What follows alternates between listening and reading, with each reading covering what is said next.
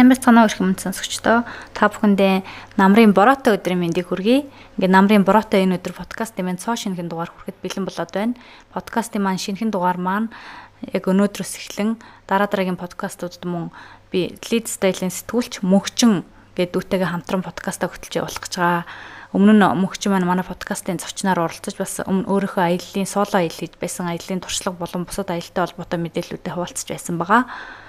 Э, би болохоор өөрөө яг сэтгүүлч биш ингээд өөрийнхөө асуухыг хүссэн асуултуудыг ер нь зочдоос асуугаа явдаг. Харин мөнхчин маань мэрэгжлийн сэтгүүлч хүн учраас миний олж хараагүй асуултуудыг мэрэгжлийнхээ үүднээс мөн асууж подкастыг маань илүү дэлгэрэнгүй, илүү онцлог, сонирхолтой болгож өгч байгаа гэдгийг мөн онцолж хэлэх зүйтэй байх. Энэ удаагийн подкаст маань яг тийм сэтгүүлч хүний үүднээс орж олж асуусан асуултуудтай маш дэлгэрэнгүй олон зүйлийг ярьсан маш сонирхолтой подкаст болж байгаа гэдгийг яг подкастынхаа эхлэхийн өмнө онцолж хэлмээр байна ингээд подкаст маань яг нэг жилийн хугацаанд явж байгаа. Энэ хугацаанд ингээд сонсогчид маань подкастыг маань сонсоод нэг хүний амьдралд ч гэсэн нэг хүний үзэл бодлыг өөрчлөгдөж гэсэн аялаар дамжуулж хүн өөрийгөө өөрчилж болдог юма гэдгийг ойлгохыг чин сэтгэлээсээ хүссэн дугааруудыг хийсэн байгаа. Мэдээж алдаа оноо бол маш их байгаа. Яагаад гэвэл ингээд подкаста хийх болгондоо би подкаста юуг нь сайжруулах вэ гэдэр нь бол бодож ер нь энэ жил илүү их сайжруулах хүсэлтэй төлөвлөгөөтэй ажиллаж байгаа. Тиймээс ингээд сонсогч та бүхнийгээ өөрт төрж байгаа сэтгэл болон шүүмжээ харамгүй хуваалцаасаа гэж би чин сэтгэлээсээ хүсэж байна. Та бүхэн шүүмжээ надтай 70 оюун гэсэн фэйсбүүкээр холбогдоод өгч болно. Мөн миний инстаграм хаягаар бас холбогдоод өгч болох байгаа шүү. Ингээд энэ зам би яг подкастыг тань сонсоод ингээд анхны аяллаа хийж байна гэсэн хүнтэй би таарлцсан. Тэр хүн маань яг ингээ подкастыг маань сонсоод анхны аяллаа хийж зориг гаргаж хийгээд яг тэр аяллаа дараа 10 гаруй хоног аялсан. Аяллахаа дараа маш их зүйлийг ойлгож ухаарад Монгол орноо илүү их таньж мэдээд яг аяллаа маш том дурсамжтай аяллаа дуусгасан гэдэгт нь итгэлтэй байгаа. Ингээд подкастынхаа шинэхэн дугаарыг хүлээн авч сонсцгоё хамтдаа. Автоматар хата ингээд урилга маань хүлээн авч подкастт маань хоёр дахь удаага оролцохчод маш их баярлалаа. Одоо бас баг 3 сарын өмнө нэг удаа ингэ битсэн боловч би өөрөө нөгөө алдаа гаргаад ингэ рекорд маань болоогүй. Тэгээд ингэ дахин э, яг ярьсан зүйлээ эргээд ярих гэж гад маш их баярлалаа гэж хэлмээр нэгэд та өөрийгөө сонсогчдод маань танилцуулаад мөн аяллахаа гарааг хэрхэн эхэлж байсан тухайгаа сонсогчдод маань ярьж өгнө үү? За баярлалаа. Юуны өмнө өөрийнхөө одоо энэ сар нэвтрүүлэгт орж оролцуулж одоо намайг сонгон ирсэн дүүдээ баярлалаа. Намайг Утганбаатар гэдэг. За ингээд өөрийнхөө сонирхлын дагуу одоо аялж байгаа ийм аялагч байна. Тэгээд ямар ч хэсэн дотоод гадаадгүй ингээд өөрийнхөө хэмжээнд үргэлжтэй болон одоо өөрийнхөө сонирхлын дагуу аялал хийгээд одоо 10 жилийг үдэж байна яг 2010 оноос эхэлж аялж эхэлсэн. За миний анх аяллаа сонирхол сонирхлыг бол хоёр Канад багш маань тавьж өгсөн байгаа. За Гордон Симс аа за нөгөөх нь болохоор эхнэр нь гэдэг нэг хоёр хүн байгаа. За энэ хоёр маань 2010 онд Монголд 21 хоногийн хугацаатай аяллаар ирж яваад замын үдэдтэй аралдаад тэгээд манай гэрт за зам зураа тэгээд танилцаад аялын талаар их сонирхолтой яриа өрнүүлээд тэрнээсээ үдэд гэртээ ураад тэгээд 21 хоногийн монголоор аялах говь хангаа олсон аялыг анх тэр хоёрт хийж өгөнгөө тэр хоёроос одоо аяллаа туршлага судалж ингэж багш шавын барилгаатай болж ялаа. Яг тухайн үед юу их сонирхол татсан гэхээр аа манай хоёр багш гэрээс гараад 4 жил аялж исэн ийм хүмүүстэй таарсан. Тэгээд тэр хоёртой таарч одоо энэ аялалт их татагдан орж дуртай болсондоо маш их баяртай байдаг. Тэгээд миний аялах одоо хобби анх 2010 оноос эхэлж ижээ. Энэ хоёр Канада багш гэж байгаа хүмүүс болохоор хоёулаа бас үүрэгчтэй аялагч байсан гэсэн үг тийм. Тэгсэн. Энэ хоёр маань хоёулаа үүрэгчтэй аялагч. За маш олон орноор аялсан байсан. За гэрээс гараад 4 жил хариаг байна гэдэг чинь бас хичнээн орноор аялсан байна тий. Аз Европ гэхгүй бүхэл ихэнх твээр аялж ирсэн. За Монгол бол санаандгүй ороод ирсэн. Ямар учиртай орж ирсэн гэхлээр мань хоёр маань болохоор аа Непал руу аялж явж хагаад тэнд цаг агарын таагүй нөхцөл үүссэн учраас нэг сар өнжих ёстой болсон. А тийм учраас тэр хоёр одоо газрын зураг гаргаж ярилцж байгаад гинт Монгол гэдэг дээр одоо санал нийлээд манай Монголын зөвхөлийн жилөө залсан юм байлээ. Тэр тэр нь л одоо бас надтай уулзах хувь тавилан болсон юм байлээ. Тэгээд энэ хоёр үрвчтэй аялал хийдэг хоёр багштайгаа 2010 онд тэгж танилцж ижээ. Өөрөвчтэй аялал хийгээд тэр хүмүүсээ Монголд ингээд 21 хоногийн хугацаанд аялуулсан гэдэг чинь шүү дээ. Тэр хугацаанд мэдээж та тэр хоёр хүний одоо бүр 4 жил аялал зүүний яг өөрөвчтэй аяллаа туршлагаас нь суралцаа. Тэгээд тэрнийхээ дараа анхны өөрөвчтэй аяллаа хийж гисэн гэсэн үг үү? Тэгсэн тэгсэн. Одоо тэгээд энэ хоёр маань 4 жил тэгээд э, ярих юм эхлүүлсэн л да тийм ээ 4 жил яагаад гэрээсээ ингэж явдаг юм бол мөнгө төгрөг санхүүгээ яаж зохицуулдаг юм бол за өргөжтэй аялалаар яг юу юм бол гэж одоо асуух юм их байсан. Өөрөө ямар нэгэн аяллаа ямар ч мэддэггүй юм байхгүй. Тийм хүн байсан л да. Зүгээр уршаа хошоо зүгээр нэг явдаг байснаас биш. За тэгэнгүүт бас тэр хоёр найз багш одоо би багшлыг хэлэх дуртай да. Тэр хоёрыг анх Монголд аялуулъя гэртээ үнгүй байлгсан. За манад ингээд бай би 21 оны чи аяллыг хийж өгөө. Та нар хаавар хаавар яаж явах вэ гэдэг саналыг асуугаад манай нэг найз байдаг юм а одоо аялал жуулчлалын бас нэлээд том одоо туршлагатай хүмүүсийн нэг үрийн туяа гэдэг талын үнэг одоо компани аялын компани одоо орлого захирал байгаа. За тэр маань тэр найз дээр хамгийн дөрөнд давхиж очсон доо энэ хоёр хүнийг би хуваарь нь ингээд аялуулах гэж байна. Миний найз одоо унаа тэрийг яадгийн, яаж маршрутаар явдгийн гэд. Тэр цаг үеэс эхлээд л найз маань надад одоо энэ аяллаа талаар мэдгдхэн олгосон нөгөө хоёр маань ч одоо тэр зааврын дагуу монголоор аяллаад 21 хоногтой бид нар яг энэ өрөвчтэй аял гэж ямар аял байдгийг яавал одоо олон орныг те өөрийнхөө одоо хүсэл сонирхлын дагуу үздгийг юу юу анхаарах уу, юу юун дээр одоо одоо гол анхаарлаа хандуулж аялах уу гэдэг тал дээр 21 хоногийн турш ярьж явсан л да. Тэгээд тэрнээсээ үүдээд 21 хоногийн аялал дуусаад бид нар Улаанбаатарт манай гэрт ирээд сүүлчийн 3 хоног дээрээ бид нар яг энэ 21 хоногийн аяллаас ярьж одоо цуг дагаж явж судлыг гэсэн энэ зүйлээ хэрэгжүүлэхээр болоод тэгээд намайг Вьетнам түрээдрээ. Тэгээд тэр хүртэл билет аав ингэж авдаг гэд бүх сайтыг нь зааж өгөөд билет милет юм захиалаа. Тэгээд Вьетнамаас цаашаа нэг Таиланд эдрээр цуг аялыгээд тэгээ урам зориг өгч бүх билетээ яг энд явхаас нь цаашаа Непал руу явхаас өмнө захиалаад тэгээ бид нэр бүх маршрутаа гаргаад тэгээд бид би явхаар болсон. Тэгээ яг энэ санааг э, манай найзууд бас харж ирсэн. Тэгээ манай найзууд бас 8 хүн үнэхээр итгээгүй 5 орны 10 хэдэн хотоор ингээ аялахад нийтдээ 800 доллар тухайн үед доллар чи 1200 төгрөгтэй тэнцэжсэн үе шүү дээ 2010 онд. Тэгэхээр 800 доллар болж ир бүх зардал нь 400 доллар, карманда 400 доллар үнэхээр хинч итгэхгүй байсан. Тэгээ бид нар зориг гаргаад дахиад надаас гадна 7 хүн бүрдээд бид нар анхныхаа зүүн өмнөд Азийн аяллыг явсан да. Тэгээ үнэхээр гайхалтай аялал болсон. Тэр хоёр маань ч Вьетнам тусч авсан. Ханойд бид тэр бид нартай уулзсан. Тэгээ Ханоосоо үргэлжлүүлээд бид нар чинь 5 6 хоног Таиланд, Вьетнамаар аялсан. Хоссон аялал хийгээд үлдсэн цаашаа Малайз руу, Куала Лампур аа тэгээд Хятад тэгээ бид нар чинь аа Хятадын 2 3 хотоор бас орсон. Тэгээ энэ бүх аяллууд та өөрсдөө үргэлжлүүлээд ингээд миний анхны гадны аялал маань энэ хоёр багшийнхаа дэмжлэгтэй найзуудынхаа тусалцаатай явсандаа 14 хоногийн хугацаатай. Яг 2010 он гэдэг чинь болохоор өрөвчтэй аялал ерөөсөө Монголд бол хөгжиж эхлэегүй. Тэгээд бас интернет сүлжээ бүх юм тийм одоо нэг шиг нээлттэй байгаагүй байсан тий.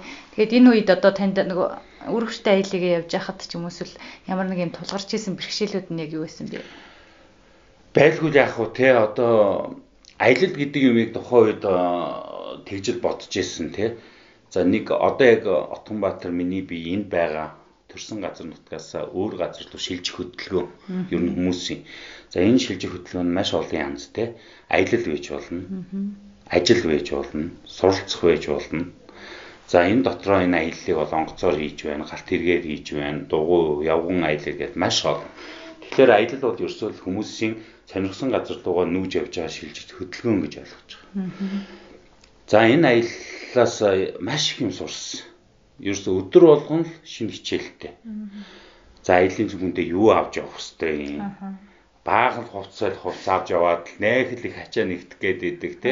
Тэгтээ яг ачаагаа аваад онгоцон суух гэхлээр хямдхан онгоцны билет тавсан учраас ачааны үнэ нь ороогүй байдаг юм байна гэдэг дээр бөө ачаагаа бас онгоцны бодол дээр задлж хаях ч юм уу.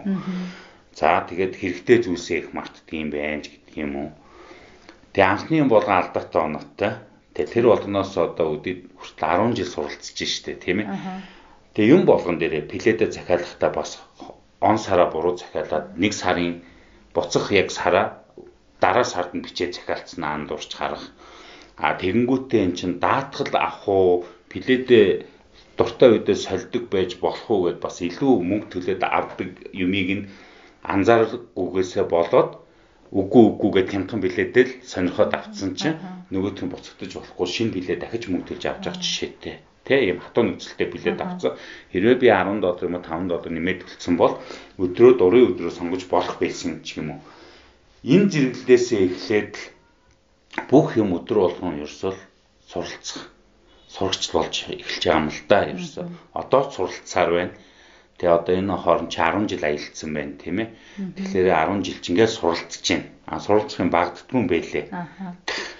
Тийм тэгээд одоо ингээд таны яриан сонсоход бол та бол тэр нөгөө саяны өргөжтэй хамгийн ихний ажлынхаа туршид өөрийгөө сорсоор гоод шинэ юм сурсаар гоод яг нөгөө бүх юмыг яг биеэрээ туулсаар байгаад л ер нь бол ирсэн маш олон сургамж хичээлэгтээ ирсэн гэсэн ирсэн юм шүү дээ тий.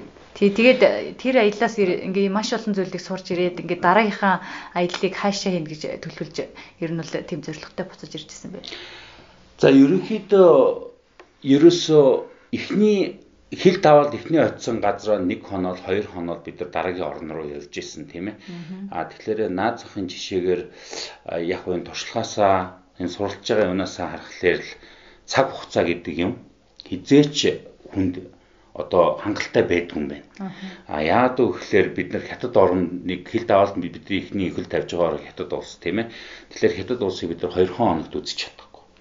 Тэгэхээр бид нар яг аяллахаа маршрутыг гаргахдаа эргэж ирэх нөхцөлтэйгээр тийм ээ эргэж ирэх одоо сонирхлоор нэг удаа яваад хятадаар дарин өнгөрч явахдаа Бээжин хотоор явж исэн бол дараагийн сонголт нь өөр нэг хотоор дамжих юм байна. Заавал Бээжин гэж биш. Тэгжээж бид нар хятад улсыг үзээгүй газараар үзэж дамжиж явах хэрэгтэй юм байна. За Вьетнам, Таиланд гэд яг ялгаагүй бид нар Ханог очиж үзсэн бол дараа нь бид нар Сапад нь очих хэрэгтэй юм байна. А нэг удаа бид нар очихдоо хоногтой мөн санхүүдэд баригдаж явж байгаа учраас бүгдийг үзэх шунлаад дарахгүйгээр дараа нь эргэж ирж үзээгүй газар нөхөж үзнэ гэсэн ийм бодолтойгоор. За хоёр тэгэхээр бас л нөгөө ихэнх аяллаа хийхдээ хүн өөрийнхөө хүсэл сонирхлын дагуу тийм ээ өөрийнхөө хоббит одоо холбож хийх ёстой юм байна гэдгийг ойлгосон тийм ээ. Жишээ нь би өнөөдөр хаалуун бэг дээр очиход дандаа л нөгөө усан заваар явдаг нөгөө тэр нөгөө хаалуун бэг чи одоо усан онгоцон дээр ингээл нөгөө далайн хоолоон дээр ингээл явдаг ихэнх нь ус руу орж сэлдэг наран шарлан газар амардаг. Тэгэхэд би өөрөө усан дургу сэлж чадахгүй юм байлаа гэхэд тэр нь цагаа алдах тийм ээ. За тэгээд түүнээсээ үүдэлтэйгээр одоо би ийм юмд явахны оронд өшөө нөгөө будаан тариадлангийн талбай үзэх хэрэгтэй байсан болов уу гэд. За энэ байдлаас хараад за өшөө би өөрөө тоогооч мэрэгжилтэй гэж бодоход би илүү нөгөө аяллаар явахдаа хоолны ертөнцөөр нь илүү их аялахтай тухайн орны онцлог хоолууд нь яг юу юм? Нутгийн иргэд идж байгаа үндсэн хоол юу юм? Түүнээс одоо хятадд очиод Вьетнамд очиход нэг Макдоналдс идээд авахгүй тий. Яг тухайн орных нь хоолыг тухайн оронд нь амталж жинхэнэ амтыг олох юм уу. Ингээд өөрийнхөө мэрэгжилтэд хослуулад явал их гоё юм байна гэдгийг өөрөө мэдэрсэн байхгүй. Тийм учраас дараа дараагийн аяллууд дандаа тийм хоолны тал руу ресторан зоогийн газар тэ бас шинэлэг санаа олох. За мэдээж түүнийхэн хажуугаар хүн болгоны үзэх боломжтой дэлхийд гайхагдсан бүртгэгдсэн тийм алдартай газруудаар мэдээж оролцгүй яах вэ? За голцоо яг өөрийнхөө хоббигоороо холбосон үзүүрүүд бол дандаа хүнийг төгс байлгадаг юм байл л дээ. Сэтгэл ханамж 100%. Түүнээс би заавал балын арал дээр очиод энэ арлын нөхшөн дээр очих хэвээр гэснээр очиход хүнд авах мэдрэмж өөр өөр тийм ээ. Аа би өөрөө мэрэгчлэлтэйгээ холбоод нэг ста энэ газрын энэ сайхан хоолыг энэ нэг чиглэлийн одоо рестораныг үзчихье гэд ороход үнэхээр шунж тэ тэр хоолын амтлах орчныг танилцах ч гэдэг юм уу ингээд явдгаараа илүү юм болов илүү шинэлэг юм болов гэж бодсон. Тэгээ дараа дараагийн хаялтаа ерөнхийдөө хоол хоол бол мэдээж аялын зайлшгүй нэг хэсэг тийм ээ.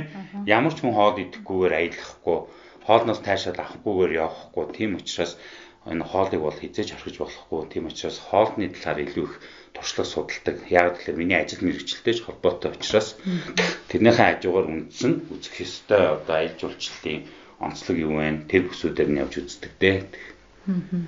Маш бүр онцлогтой байна. Хүн болго нөгөө яг өөр өөрхөн чиглэлээр яг юу сонирхож байгаа тэр чиглэл рүү нөө төлхөө цагийг заван зарцуулж яг тэр чиглэл рүүгээ илдэх хэрэг та болохоор хоолны чиглэлээр жишээ нь ингээд тэр та болохоор одоо 40 гаруй улсын 100 гаруй хотоор хэлсэн байгаа тий. За одоогор бол 30 гаруй явж байна тий. 30 гараад явхлаар 100 нэг 20 30 хотоор нийтдээ энэ 10 жилийн хугацаанд аялалчиж за нийт 130 40 удаагийн давтамжаар явсан байдгийн. Тий. Тэгээд энэ маань ямар учиртай ингээл нэг орноороо олон удаа ингээл ороод идэгюм бэ гээл энэ хүмүүс бас гайхалах тий. Яагаад ингээл 100 удаа давтамжтай яваад идэг вэ? Яг миний аяллалын сонирхож хэлдэг шиг зүүмнэд Аз руу явхад бид нар эхний дамжих улс маань хятад бодоод явна тий. Тэгэхээр хятадын Бээжингээр дамжихгүй байсан бол би дараагийн явалт нь хөх хотоор дамжиж явах. За Шинжэнээр дамжиж явах, Жининээр дамжиж явах гэд. Ингээд миний хятадаар дайраад явсан орны хотын тоо бол ингээд 10-д гараад нэмэгдээ явчихж байгаа тийм. Энэ болгонд чинь хятад улсыг баг багаар мэдээд үзээд өөрчлөлтийг нь хараад явж байна гэсэн үг. Энэ 10 хот мужийн хоол болгон онцлогтой. Тэ? Тэр болгоныг бас үзээд мэдрээд ингээд явж байгаа нь бас их гоё. За тэгээд дараа нь би Таиланд гэдэг улсад одоо нийтдээ 8 9 очсон байдгийг.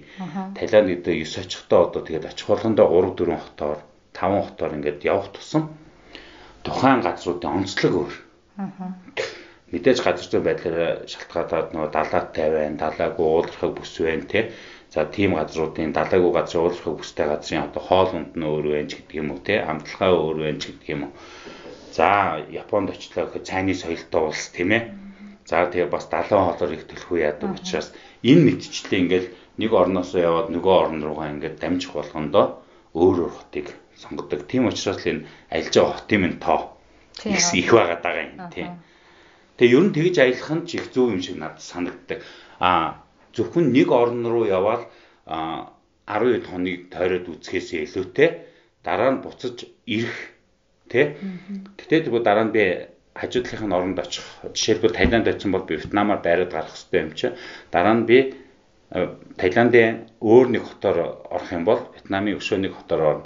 Яагаад энэ сонирхол маань хөтлөөд байна гэхлээр тэр хоол маань татаад байна намайг тий.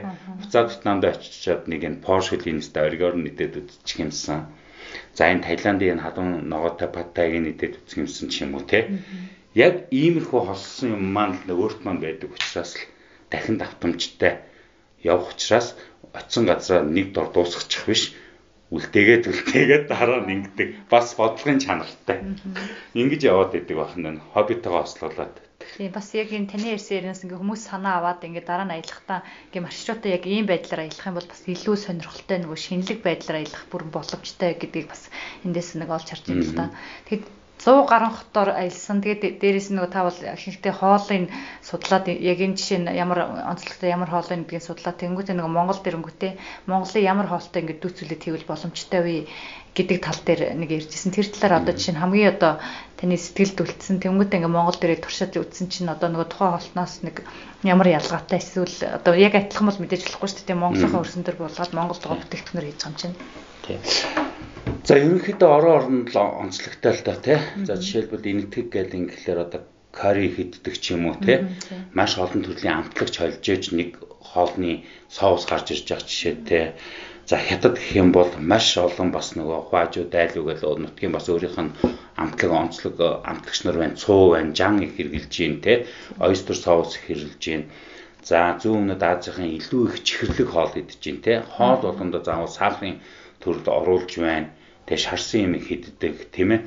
Гих жишээтэй а гэхдээ тухайн орон бүрд яагаад очиод тухайн үндэсний хоолыг нэдээд идэв гэхээр Монгол дүүд ажиллагаа Монгол ирээд бусад хоолыг амсгалаар яг Монгол хүн тохирсноор амтлагааг нь өөрчилждөг юм шиг те.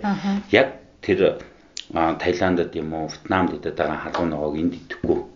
Тэ ягаад гэхээр нөгөө тэр их халуун ногоо төр юм бид идэж чадаач ч тэр их чихэрдэг хоол нь монголчууд дуртай байлгүй гүү илүү гэдгээсээ энэ болгоныгоо уус бусад уус ч гэсэн адилхан. Одоо Америкт ч гэсэн одоо хятад байдаг хоолыг Америкийн одоо хятад хоолны газрууд бол яг тухайн хөрсөнд нь болгож өөрчилждэг хамт юм. Тэ одоо ломен гэж хийх юм бол яг хятад идчихсэн Америкт идэж үдчихсэн бол хятад шал өөр байж ах жишээтэй ч юм уу те. Гэх жишээтэй. А ер нь бол манай Аз бол хоолны соёл, цайны соёл эдгээр бол агуулсан юм байна уу ерөөсөө. Тийм. Ялангуяа зүгээр наадсан жишээ аваад үзэхэд Таиландд одоо 30 хоног хэрвээ байлаа гэхэд 30 өдөр давтагдахгүй хоол иддэг. Нууцгүй хэлэхэд. Тэр сонголт бол гайхалтай өөр өөр амттай байждаг. Тэгээ энээс бид юуг бас өөрийнхөө ажил мэргэжилтэд хослуулад байна вэ гэхээр за одоо энэ тийм энэ Porsche хөлийг Монголд ирээд ингэж хийх юм бол Монгол хүний идэж ууж болохоор хэмжээнд ингэж өөрчилж хийж болох юм байна. За Таиландын энэ хоолны соуснаас нь авах соус их байна. Тэрийг одоо хийж жишээтэй. Жишээлбэл одоо Вьетнам чинь манай хуушур шиг хуушур байдгийн штэ. Тэгээ хайцлаад өгчдөг болохоор хүмүүс нэг мэдхгүй юм шиг. Тэгээ манай банш бол Гойса гэдэг одоо Японы алдарт шарсан баншч байж байгаа жишээтэй тий. Тэгээ өнөөдөр би бас гидсний хуушур хийлээ л дээ. Гидсний хуушур хийхэд бас энэ дотор юу хийж ийн гэхээр гидсийг зарим хүмүүс хурц амттай гээл тий ингэдэг учраас тэр амтын дараах үүднээс ингээд бяцлагтай томатны соустай хийж чинь энэ маань итали гаралтай соус учраас тэгээ пиццаны одоо панинич гэдэг юм уу тий ийм оронгонд хийжсэн амтлагчийг ингээд гидсний хуушуунд хийхлээр ямар гоё зөөлөн болж байна тэр гидсний амт алга болж байна тий гих жишээтэй одоо би хоёрт ансуулна өнөөдөр хийдсэн байгаа. Бичлэгээ бас оруулсан. Байна. Гих жишээтэй энэ болгоныг ингээд өөртөө санаа авснаа ингээд хэрэгжүүлээд байна. Одоо би яг өөрөө бас одоо үйлчлэгээний газар ажилладаг хүн те ямар нэгэн хоол хийхдээ заавал тэр арга баригдахгүйгээр энэ хоолыг ингэж зөөдрүүлэх юм бол ингэж амт оруулах юм бол хүмүүс хийх бол монголчилж болж байна. Санаанууд их авч байна те тэр газраас айгүй ач тустай бас туршлага их судалж байна. Байнга л шинэ юм суралцсан гэдэг чинь тэгэл энэ. Мэдээж надаас өөр мэрэгчлээ хүн бол уран барилгач царнигддаг хүн бол үнэхээр уран барилга руугаа явдаг архитектур тал руугаа тэ зураач хүн бол өстой тэр музейгээ үзэж байна тэ. Уран зургийн галерей руугаа их явж байна. За тэгээд бусад одоо эмч хүн байж болно те тэд нар бол заавал мэрэгжлийнхаа дагуу нэг юм нэг имлэгч зочоо үзчихсэн гэсэн ийм сонирхолтой бас явж идэг. А түүнийхээ хажуугаар мэдээж нөгөө төрөний хэлдгээр аялал жуулчдынхаа бүс нутгуудаар явж бие хайлжаалыг тайлах хамраах тий. Одоо жишээлбэл манад үйлчлэгээ үзүүлж байгаа гоо сайхны газрууд, массажны газрууд гихчил одоо дэлгэрч штэ Таиланд массаж гэл тий. Тэгэхээр Таиландд өөртөө массаж хийлгэж ирсэн улсууд, Вьетнамд массаж хийлгэж ирсэн улсууд маань бас тэр юг оруулж ирж байгаа тий. Гих жишээтэй бүх юм уялдаа холбоотой байхгүй. Тэгэхээр бүх юм аял гэдэг чинь бүх юмыг шинээр олно, нээн хэрэгжүүлэн суралцсан. А түүнийгээ хөрсөндөө өөрийнхөө хэмжээнд тодорхой хэмжээнд хөрсөндөө буулгаж авч чадчихвэл энэ аялал чинь аяллаас олж авсан. Одоо үр дүн. Тэгж л ойлгож байна яг аялах бас нэг зорилго мал заавал одоо олон хүний очдог тэр турист спотуудээс илүүтэй бас одоо тухайн нутгийн нутаг орны амьдрал ах нь бас их сонирхолтой байдаг л та тийм таны хувьд жишээлбэл одоо ингээд 30 гаруй улсаар аялахад тийм хамгийн сонирхолтой тийм хамгийн одоо өвөрмөд санагдсан тийм одоо ах уу аль улсынх байв аль хотынх байв. За ерөнхийдөө нөгөө хүн болгоны амтлагаа харах үнцэг өөртэй хүн болгонд л өөрийн гэсэн дуртай юм байна. Айгуу тийм сэтгэл тод. Сэтгэл тод үлдсэн. Миний хувьд яг нууц хэлэхэд очисон газар болгон маань их гоё. Муухан газар гэж байхгүй. Яагаад гэвэл өөрийнхөө явж байгаа аялыг хүн өөрөө л гоё болох хэрэгтэй байхгүй? Тэ? Тэгэхээр өөрөө би бол муухай гэж нэг удаа бодсон ганц газар бол би Камбожийн Сиам Рэпт очисан. Анкор уутыг үзэх гэж очиод гариг андуураад буучвуу гэд нөгөө ингэж бодсон хэрнээ нэг хоногийн дараа миний энэ бодол ерөөсөө надад ерөөсөө ахиж хизээч орж ирээгүй байхгүй. Яагаад тэгэхээр ерөөсөө хүн аялыг өөрөө л гоё болгоно. Өөрөө унжгаад юм уу ийм байна гэж ингээл зовж явах биш. Нэгэнт тийм ээ. Тэгэхээр өөрийнхөө хүсэл сонирхол одоо энэ хоббинд тулгуурлаад явцсан хүн гэдэг чинь нэг тиймэрхүү бодол өнгөтл гарч шөнийн зах орж хоол идэгээд ингээл өөрийгөө сэргээгээд ингээл явхлаар те тэр болгоноос ирч хүч авах Тэгээд ингэн яг үнэхээр надад сэтгэл яг энэ 30 яасан онсон гэсэн юу бол нөгөө бирм гэж ярьдаг те Мянмар гэх те. Мянмар бол нэр онгоцны буудлын дээр буугаал ста над бол ста шууд хамраа амгалан мэдрүүлсэн ста орон. Би одоо Мянмарт нэг 7 бол хонс юм да Янгонд. Тийм тэгэхэд бол одоо тэр ансан ан сан сүүчил одоо нөгөө айгүй юу хүний эвлийн талаар ажлын югаар яс одоо ерөнхий сайд нь хийж байгаа шүү дээ. За ингээл тэрний эцгийнхэнд гэрээр нь орлоо. Өөрийнх нь гэр музей эдрээр нь орол те ингээл ингээд үнэхээр тэр Мянмар гэдэг одоо ч гэсэн хаалттай улс гэж яригадаад байгаа үндэсний цөөнхөө ялруулж байгаа хядж байгаа гэж одоо ансуучаас чинь одоо их тайвны тэрнийг юуг нь Нобелийнх нь шагналыг буцаана гэж бас нэг юм ядчихсан те. Гэхдээ энэ улсад бол ёстой би бол үнэхээр амар амгалан бол мэдэрсэн. Ерөн зүйн өмнөд Азад бол надад бол үнэхээр энэ буддын шашинтай улс орно гэдэг бол ялангуяа бас Таиланд байна тий. Үнэхээр тэр эзэн хаанда ямар хүнэнч шашинда ямар их үнч хүн болгон сүм явж мөрөгдөг. За тэрнээс илүүтэй Мянмар улс бол надад бол нэр үнэхээр сэтгэлд хоногссон. Одоо хүртэл би явахыг хүсдэг.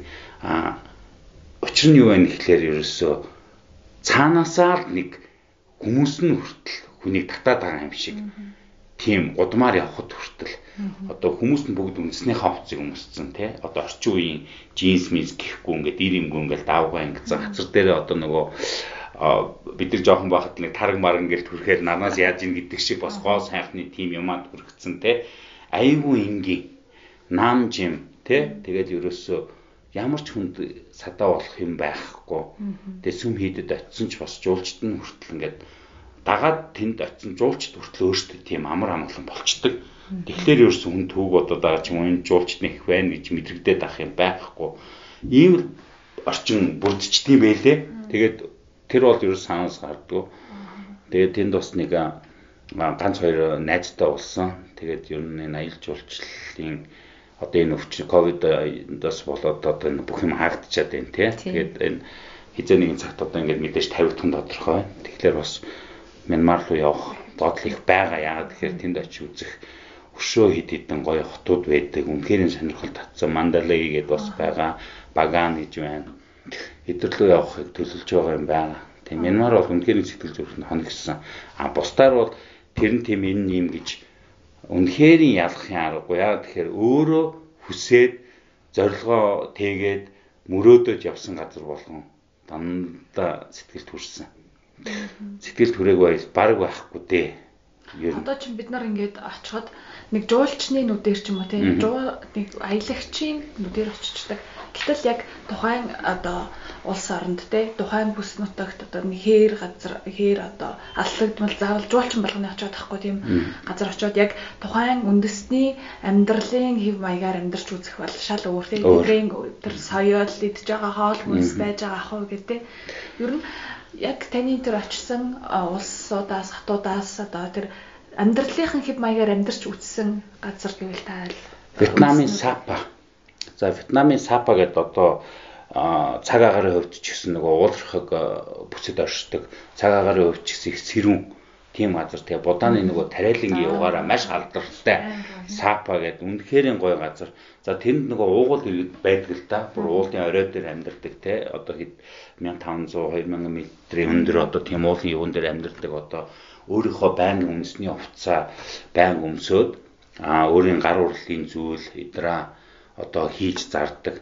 Тэд нар бол яад гэхээр өдөр болгон хэдэн зуун км хэдэн 10 км газар алхаж ирж жуулчдыг тосч аваад буцаагаад өөртөө хэдэн километр жуулчтай алхаад явдаг. А тэр алхаж явахдаа тэд нар хүртэл юу мэдрэгдэг вэ гэхээр үнэхэрийн тэднээс гарч байгаа тэр сэтгэл сэтгэл зүй тэг хүний үйлчлэх үйлчлэгээ одоо үнэхэрийн өөртөө таниулах гэсэн одоо сэтгэл ханамж үзүүлбэрүүд нь аяух таалагддаг байхгүй яа тэгэхээр зүгээр мотоцикл туристад 15 минут мопедээр яваад орчих газрыг 3 4 цаг яг унган өөртөөхөө явдаг уулаар. Уулын бүр оройгоор за тэр 1700 м-ийн 70 төвшөөс эсч тэр өндөр уулын орой дээр гараад чинь нөгөө үүлэн дунд. Тэстэ үүлнээс дээгүүр алхах чинь. Тэгээд тэд нар мөрөн дээр ингээд хүүхдээ үүрцэн тий. Тэгээ бүр ингээд тухайн яг нэг хэсэг хотхон байгаа улсуудын 4 5 айл нэг хүүхдээ яц ингээд явж. Тэгээд бид нар анх бодж лээсэн л да яг тэгэхэд тэр хоёр Канада багштайгаа явж исэн учраас маш их айжсэн өөрөө тийм алхалт хийж үзээгүй дээрэс нь хүн жинтэй хүн чин те нэг гулгаад унчвал энэ тэргээл бас айцтай үзтэй явжсэн. Тэгээд ард нь гарсны дараа амар баярлсан. Тэгээд тэгтээ бид нар их сонирхолтой инээдтэй минь юу надад сургамж болсон гэхлээр яг сапад очиод бид нар дээшээ гарахаас өмнө хоол идээ, шүл идээ, дээр их сэрүүн байгаа, бие дулаад суулаа гэд шүл идсэн нохоо махтай шүл. Нохоо мах ингээд юу ягаад хуухлаа тавьсан бүтнээр нь. Тэгэл цавчаал хоол хийж гисэн. Тэгэхэд анх нохоо мах идэж үжсэн баг баг. Тэгээд бид нар гараад 3 4 цагийн дараа бид нар тэр айлд очисон. Үнэхээр яг өөрсдийнхөө яг нутгийн амьдрал иргэд нь яг уугуулууд хүмүүс яаж амьдарч ин тэр амьдралаар амьдарч байгаа гэр орондоо аваачаад бид нарыг маш гоё хүлээж авсан. Шууд тариан талбай дээрээс наваа аваад хоод игээл. Тэгээ бид нар ихний өдөр маш их ядарсан учраас эрт унтсан байхгүй. Тэгээ өөрийн 5 цагт л нохоо генаал гэсэн хаслал байсан. Тэгэл юм төчигнээл чавчаад байгаа юм шиг байсан. Тэгэл айсан л та нөгөө нохоогоо алаалуудаа манайс хоод ижиг чинь даа гэж унтаж чадахгүй одоо хоод яаж иднэ гэж тэгээд бүр садаглаад эн чинь ногоо мах идсэндээ ганцсан уу яасан. Тэгэл Тэгээ хоолоо эдэрээгээл босоод бид нар доош яваад нэгсэн ширээн дээр өө янзын сайхан үндэсний хоолуудад тавьсан байсан те. Spring roll голдуу. За тэгээ шарсан мах гээл тэгж нохоо мах уу гэж асуухаас санаа зовоод Монгол хүн чинь бас яг цаадлахаар хичимхий арга хүн юм байлээ шүү дээ. Нэрлэх үү те. Өө өлсөхгүй байна энэ тэрэгчээ гарангуудаа хотын юу оронгуудаа өлсөд байна нэг газар Яг тэгэхээр бас тухайн шижгэлсэн чи юм уу айсан ч юм уу нэг тиймд мэдрэмж төрсэн баг.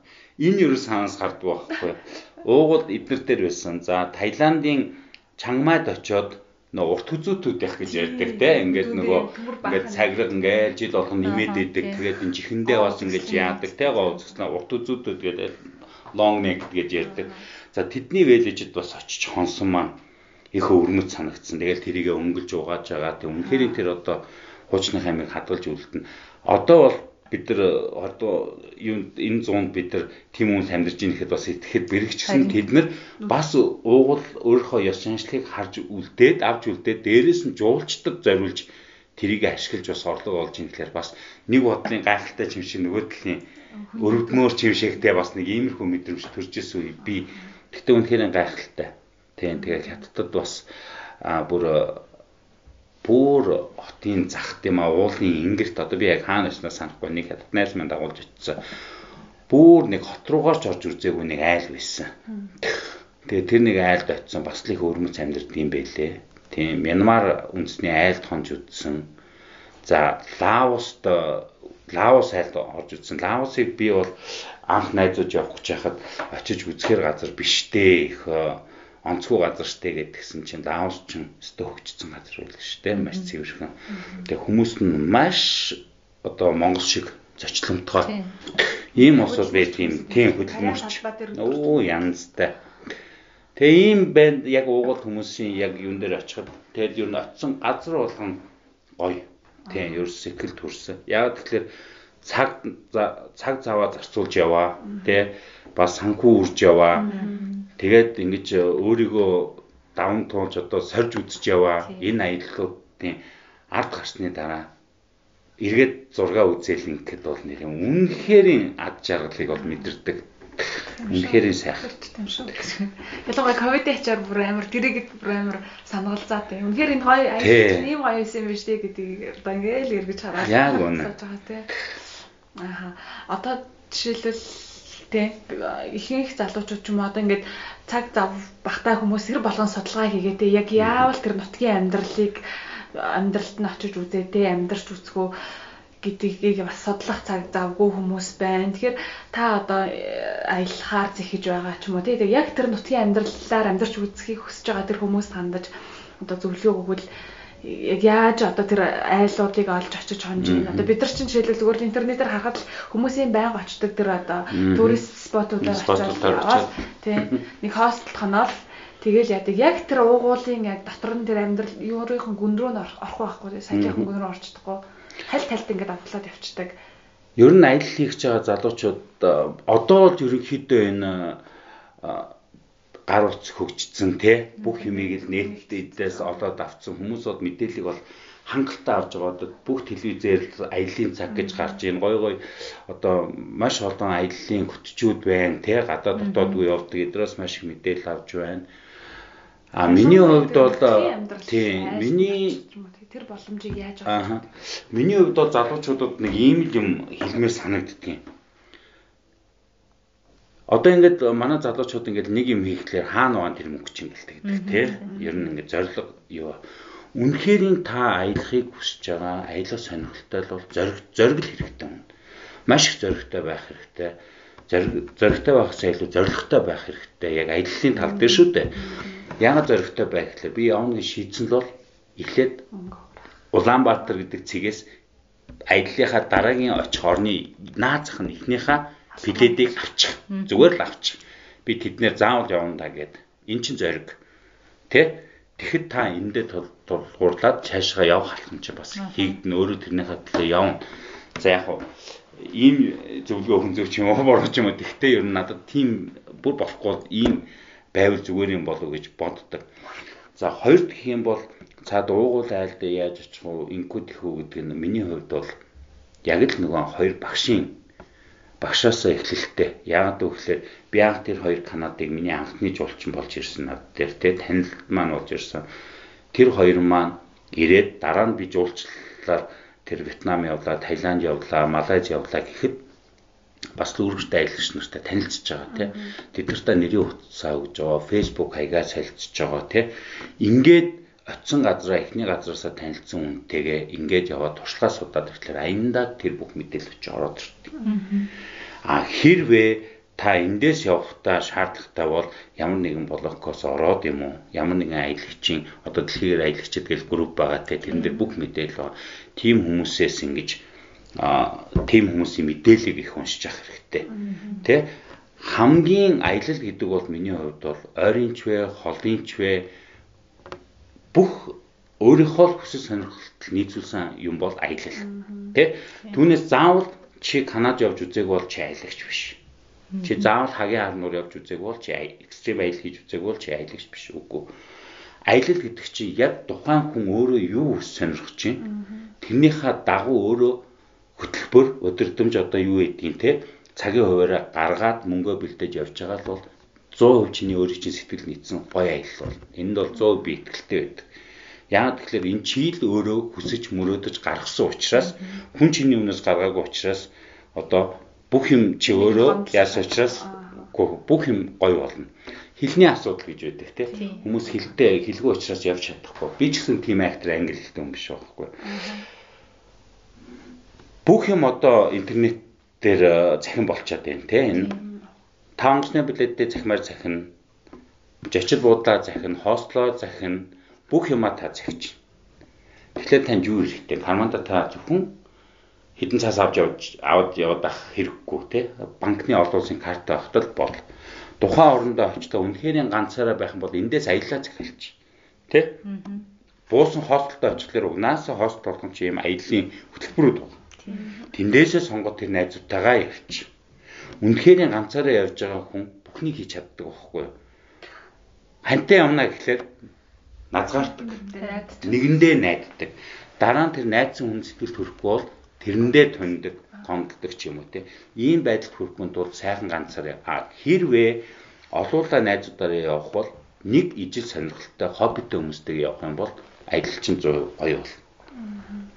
Миний хувьд бол яг энийг бол за энэ олон жил аялж байгаа аялсан найзуудтайгаа ч аялж үзсэн ах トゥ нартайгаа ч аяллаа тий тэгээд өөрөө ч их аяллаа гэд явж үзэхэд бол энэ бол найдвартай миний хувьд өөрт бол 100 хоногсон юм юм.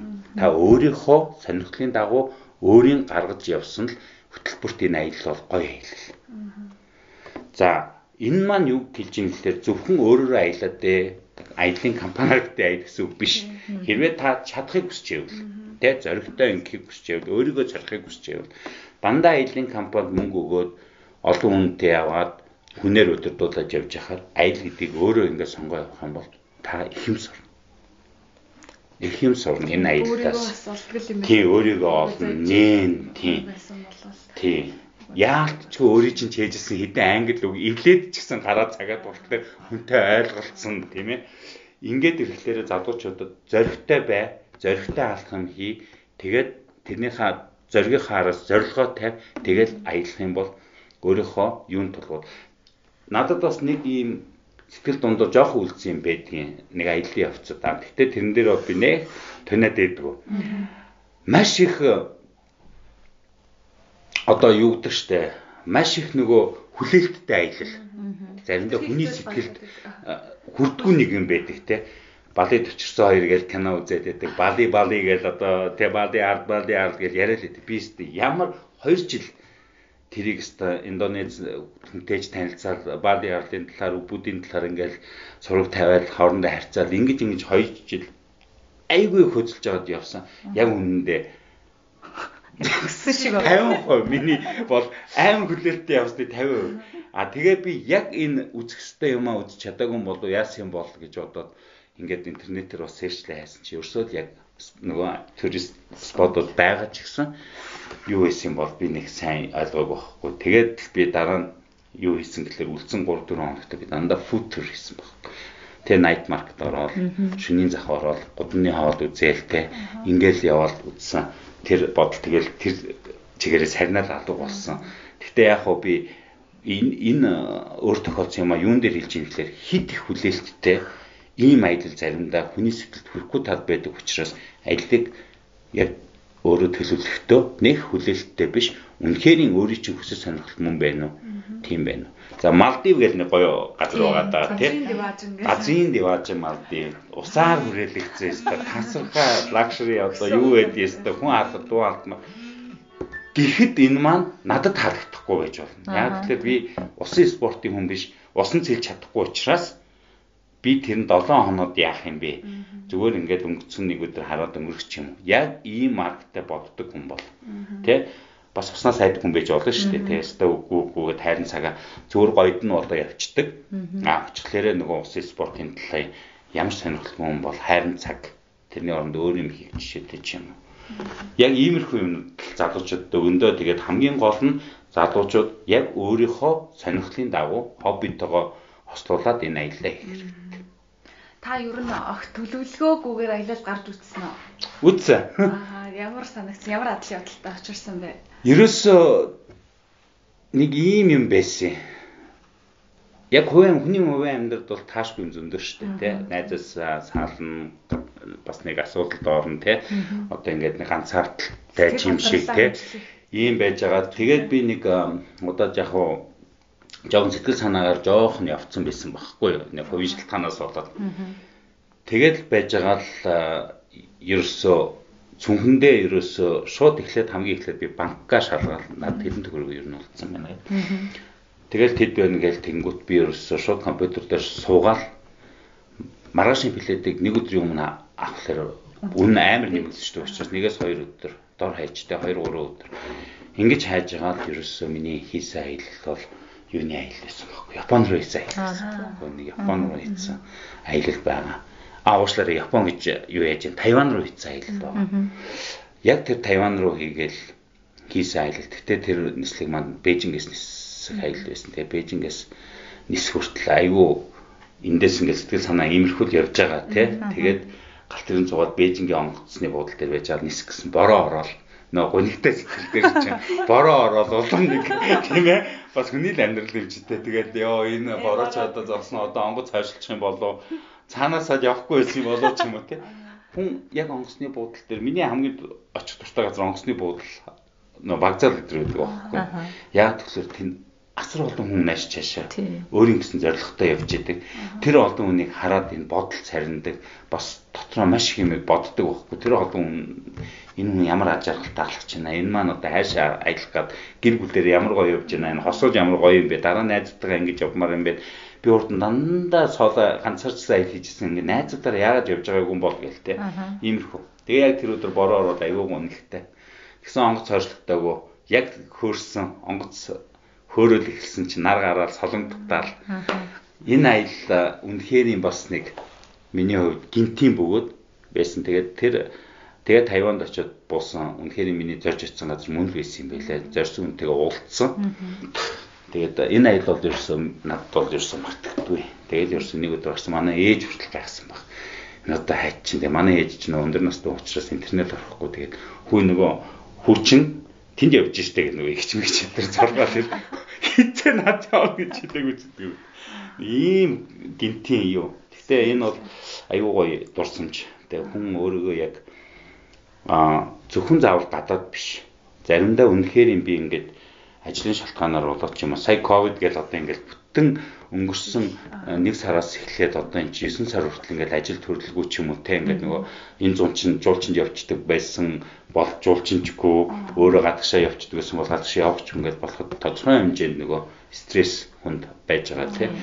Тэгээ энийгээ тайлахын тулд ойрхон ингээд шууд богоон цугаал нэг тийш явчдаг. Би бас тийм л те. Жохон ингээд өөрийгөө жоохон стресстэй юм уу жоохон онцгүй байгаад ирэхлээр ботоос шууд авчдаг байхгүй. Зүр цуслан дээрээ ч юм уу. Нэг бол ойрхны нэг айл рууцтай төдөө байдаг нөгөө жуулчлаар явж байгаа таньдаг айлууд их болцмаар тэгээд ч юм аа. Нэг бол зүгээр шууд богоон цугаал сэлэнг явцдаг ч юм уу. Ингээл явцдаг. Тэгээ ийм аяллуудаас ийм аяллуудад үнэхээр гой дурсамжтай байдаг шүү. Бас өөрийгөө бас стрессээс гаргаж чадчихээн те бас ингээ бугшаад авахгүй те А зарим хүмүүс бол үнэхээр гой өөрийн өөрийн хоббин дээр л тулгуурлаж байгаа шүү. Зарим хүмүүс бол фитнес явж стрессээ гаргадаг хүмүүс байна. Зарим нь уулаар алхдаг улсууд байна тий. Тэгэхээр миний хобби бол ер нь тийм биш байна. Зүгээр гал тэрэн цугаад ингээд нэг хээр сайхан газар очиод амарчхаа. Нэг бол хоол тий. Яг мэрэгчлээ хобби тугаадаа ч юм уу. Яг энэ тал руугаа ингээд явчихдаг та ер нь одоо хоолны ертөнцтэй яаж яваад холбогдов? Хоол аялал жуулчлал хоёрыг бас яаж аваад холбов гэдэг бас сонирхолтой. Хоолны ертөнц би айлын баг л та. Тий айлын баг тэгэл ах нар чинь тусдаа гарна штэ. Тэднээсээ тий. Тэгэл ер нь гэртээ байгаа. Тэгээ ер нь бол багасаа ингээд жоохон юм хутгачих сонирхолтой. Гэтэ би тэрийг өөрийнхөө яг мэрэгжил гэж нэг ойлгож байгаагүй. Тэгээд ер нь хэд юу юу л болно гэж нэг тоогоо шанаа утгаал нэг өөрөө нэг зохиогоод чамааг ингээл хийчдэг. Тэгэл нэг өдөр аав хоол хийгээд гэхлээр нь би байц дуураг илгээр хийчихгүй өхрийн илгээр байц дуураг гэсэн чи ийм хоол хийж юу ийсэн илгтэй байц дуураг гэж гэл. Аав айгүй уурлал тэгснэ эзнэ хөөшин чин болмоор юм биш шүү. Чи чаар нов юм хийчдэг юм уу тэгэл тэг чин би чин 6 7 дугаар 6 дугаар анги 7 дугаар анги л байсан баг тий. Ер нь бол тэгээд ер нь тиймэрхүү юм юм хийчнэ. Тэгээд байж байгаад энэ маань явж байгаад яг энэ хоол руу ямар орсон гэхэлэр би Америк руу явсан. Тэгээ Америкт очиод сурна гэж яваад тэгээ тэнцээ сурж ажиллаж байхдаа мэдээж нөө оюутан болох гээд сурж байгаа мөнгө хэрэгтэй. Бусдын л жишгээр бас цагийн ажил хийн. Цагийн ажил хийж байхдаа би чи яах вэ гэхээр бидэрт олж байгаад ажил рестораны л ажил. Тэгээ хэл мэдэхгүй бол нөгөөсөө dishwasher гэдгээс угаагчаас эхлээл цэвэрлэгчтэй тэгэл нөгөө ногоо могоо левел ахаар те тэгээд ногоо цаг авилгаа тэгээд туслан туслах хийгээл тэгээ энэ ч нөгөө амьдрахын эрхэнд л бас хийгээл энэ маань өөрийн бас нөгөө урдан сонирхолтой байсан урд үе маань бас гарч гарч ирээл цаашаа хөтлөгдөж явж байгаа. Тэгэл тэгэл тэрүүгээрэл их сайн явцсан. Тэгээд Монголдо хурж ирээл бас нөгөө хоолны газруудаар дандаа ажиллаад. Тэгээд харин сүүлийн 2014 оноос эхлээд нөгөө аялал жуулчлалтай холбогдсон дотоодын. Яагаад тэгэхээр нөгөө бас манай нэг найз а хувийн энэ дээр нөгөө аялал жуулчлалын бас компанитай а тэр компанида тоочор бас ажиллаж гэсэн санал тавиад тэр компанид 3 жил ажиллаад бас Mongolian Quest гэдэг мундаг сайхан компани бий.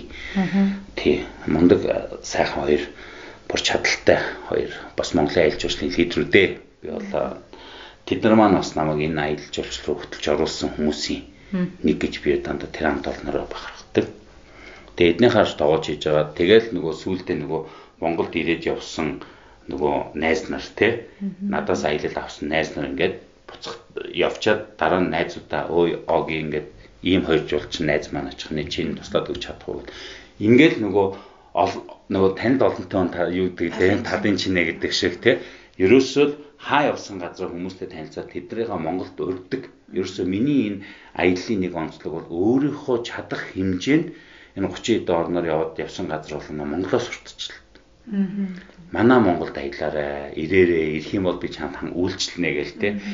Энийний үднээс ч миний энэ 30-аад орны 50% нь танилцсан хүмүүсийн 50% нь надад өөртөө гайд хийгээд гэртээ өнгөө байлгаад тэ ингээд үйлчлсэн хүмүүс буцаж Монголд ирж надаар үйлчлүүлсэн байдаг.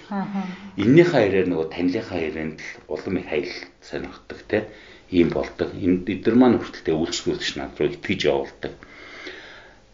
Энэ үднээсээ бас Канада, Австрал, за тэгээд Испани, Япон, Америк гэл одоо нийтээ олон орны жуулчд ирлээ дээ над дээр хуваараа яг ингээд миний аялсан юм. Энэ маань бас хичнээн улс их орондоо мөнгөн хөрөнгө оруулж чадахгүй ч гэсэн миний энэ аяллаа явцад одоо сурталчилсны юугаар бас хүмүүс ирж Монголд бас аялж ирж бас хэдэн цаасаа үрж ийн гэдэг чинь бас миний нэг тодорхой хэмжээнд оруулсан хувь нэмэр юм болов гэж боддог. За тэгээ ер нь бол хэлэхэд бол хичнээн 30 орноор аялаад ингээд 100 хэдэн хотоор ингээд аялаад ирсэн ч гэсэн хүний төрсөн нутаг гэдэг бол тий төрөх одоо их хорон гэдэг бол одоо яаж ч 30 доорныгоо доор нь орж болохгүй юм байлээ. Энэ чи ерөөсө яалт ч Монголоор ажиллахад омгшдог. Үнэхээр тэр би одоо ингээл танилцсан тэр үргэлжтэй айлгчнаа Монгол дээрээс ингээл дагуулаад 20 тоног 12 тоног гэж сүүлийн 4 5 жил ингээл явахд чинь бас ингээл бахархаад айгүй омгшдог. Тэгээд тэд нар маань тэр хэрээрээ ч тэдэртээ үйлчлэхэд итгээд дараагийнхаа өмнө явуулж байгаа тийм. Тэгээ ер нь бол миний их орон бол гайхалтай. Одоо тэгээд их орныхоо одоо бүх аймаг юг үзэхэд аймагуудаар явж үзэхэд одоо 2 3 аймаг дутчаад байна. Тэрийгээ дуусгачихвал одоо тэгээд нэрээ өмнөхний бас энэ аялж ирсний үр дүн гарах гад байна. Одоо та 2010 оноос хойш аяллаа гэж энэ аялсан 10 жилийн хугацаанд аялал танд юу гэсэн юм бэ? Та ер нь аяллаас юу суралцсан? Ямар нэгэн өөрчлөлт гарсан таны амьд? Гарсан. За аялал над юу их л олон юм өглөөдөө тий одоо тэгээд бас хувийн хувийн одоо хувь хүний үднэс гэж ярихад бол тий аялалд ингэж яваад ирэхэд маш олон найзтай болж байна. Олон орны одоо хүмүүстэй харьцаад ирэхлээр олон орны тэр хүмүүсийн тухайн орныхын зан заншил тохируулж харьцах, хүнийг хүндэлж сурах, хүний үгийг сонсох, тийм ээ? а хүлээцтэй байх. За гих жишээгээр ингээд маш олон юм суралцсан. Аялж явахдаа ийм сайхан юм сурч хаад Монголд ирчил энийг хаяад иж болохгүй. Тэ? Тэгэхээр бас намайг мэддэг олон байгаа тий. Тэгэхээр тэд нар бас энэ огийн сүүлийн хэдэн жил ингээ аялцсан тамиг татгаа болцсон байна одоо амсдаг байсан бол амсгаа байлчиж ч юм уу бас сайн хэлэх хүмүүс бол байна шүү дээ. Энд чинь үний амьдрал юм чинь тийм ээ.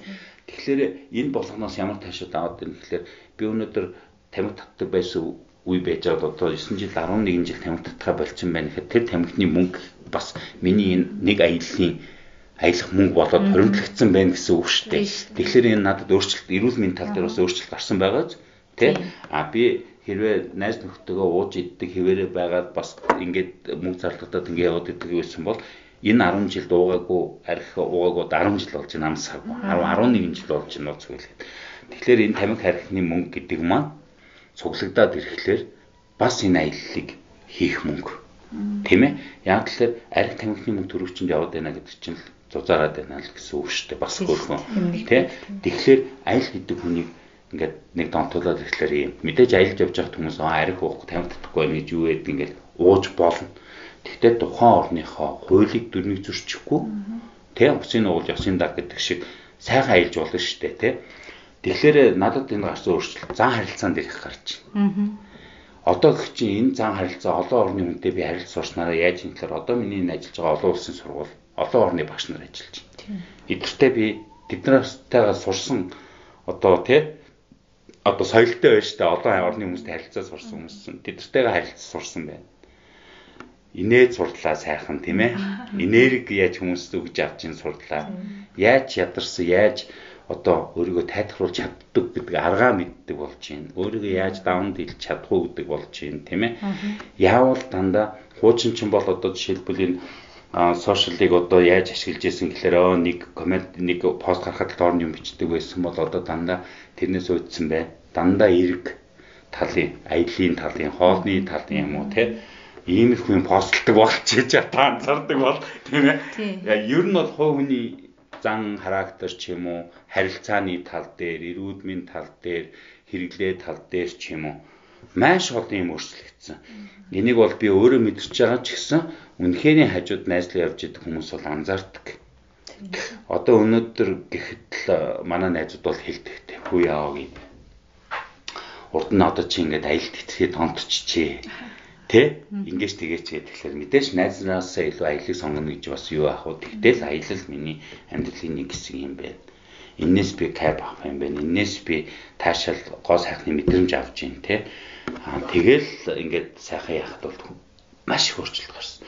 Энэ сайхан өөрчлөлт давхар хамааралтай байдаг гэр бүл. Аа тийм иргэн тойрол. Би өөрөө хичнээн сайхан энергитэй байна. Ард байгаа энэ гэр бүл ээж маань, ах дүү нар маань хүртэл зөв энерги.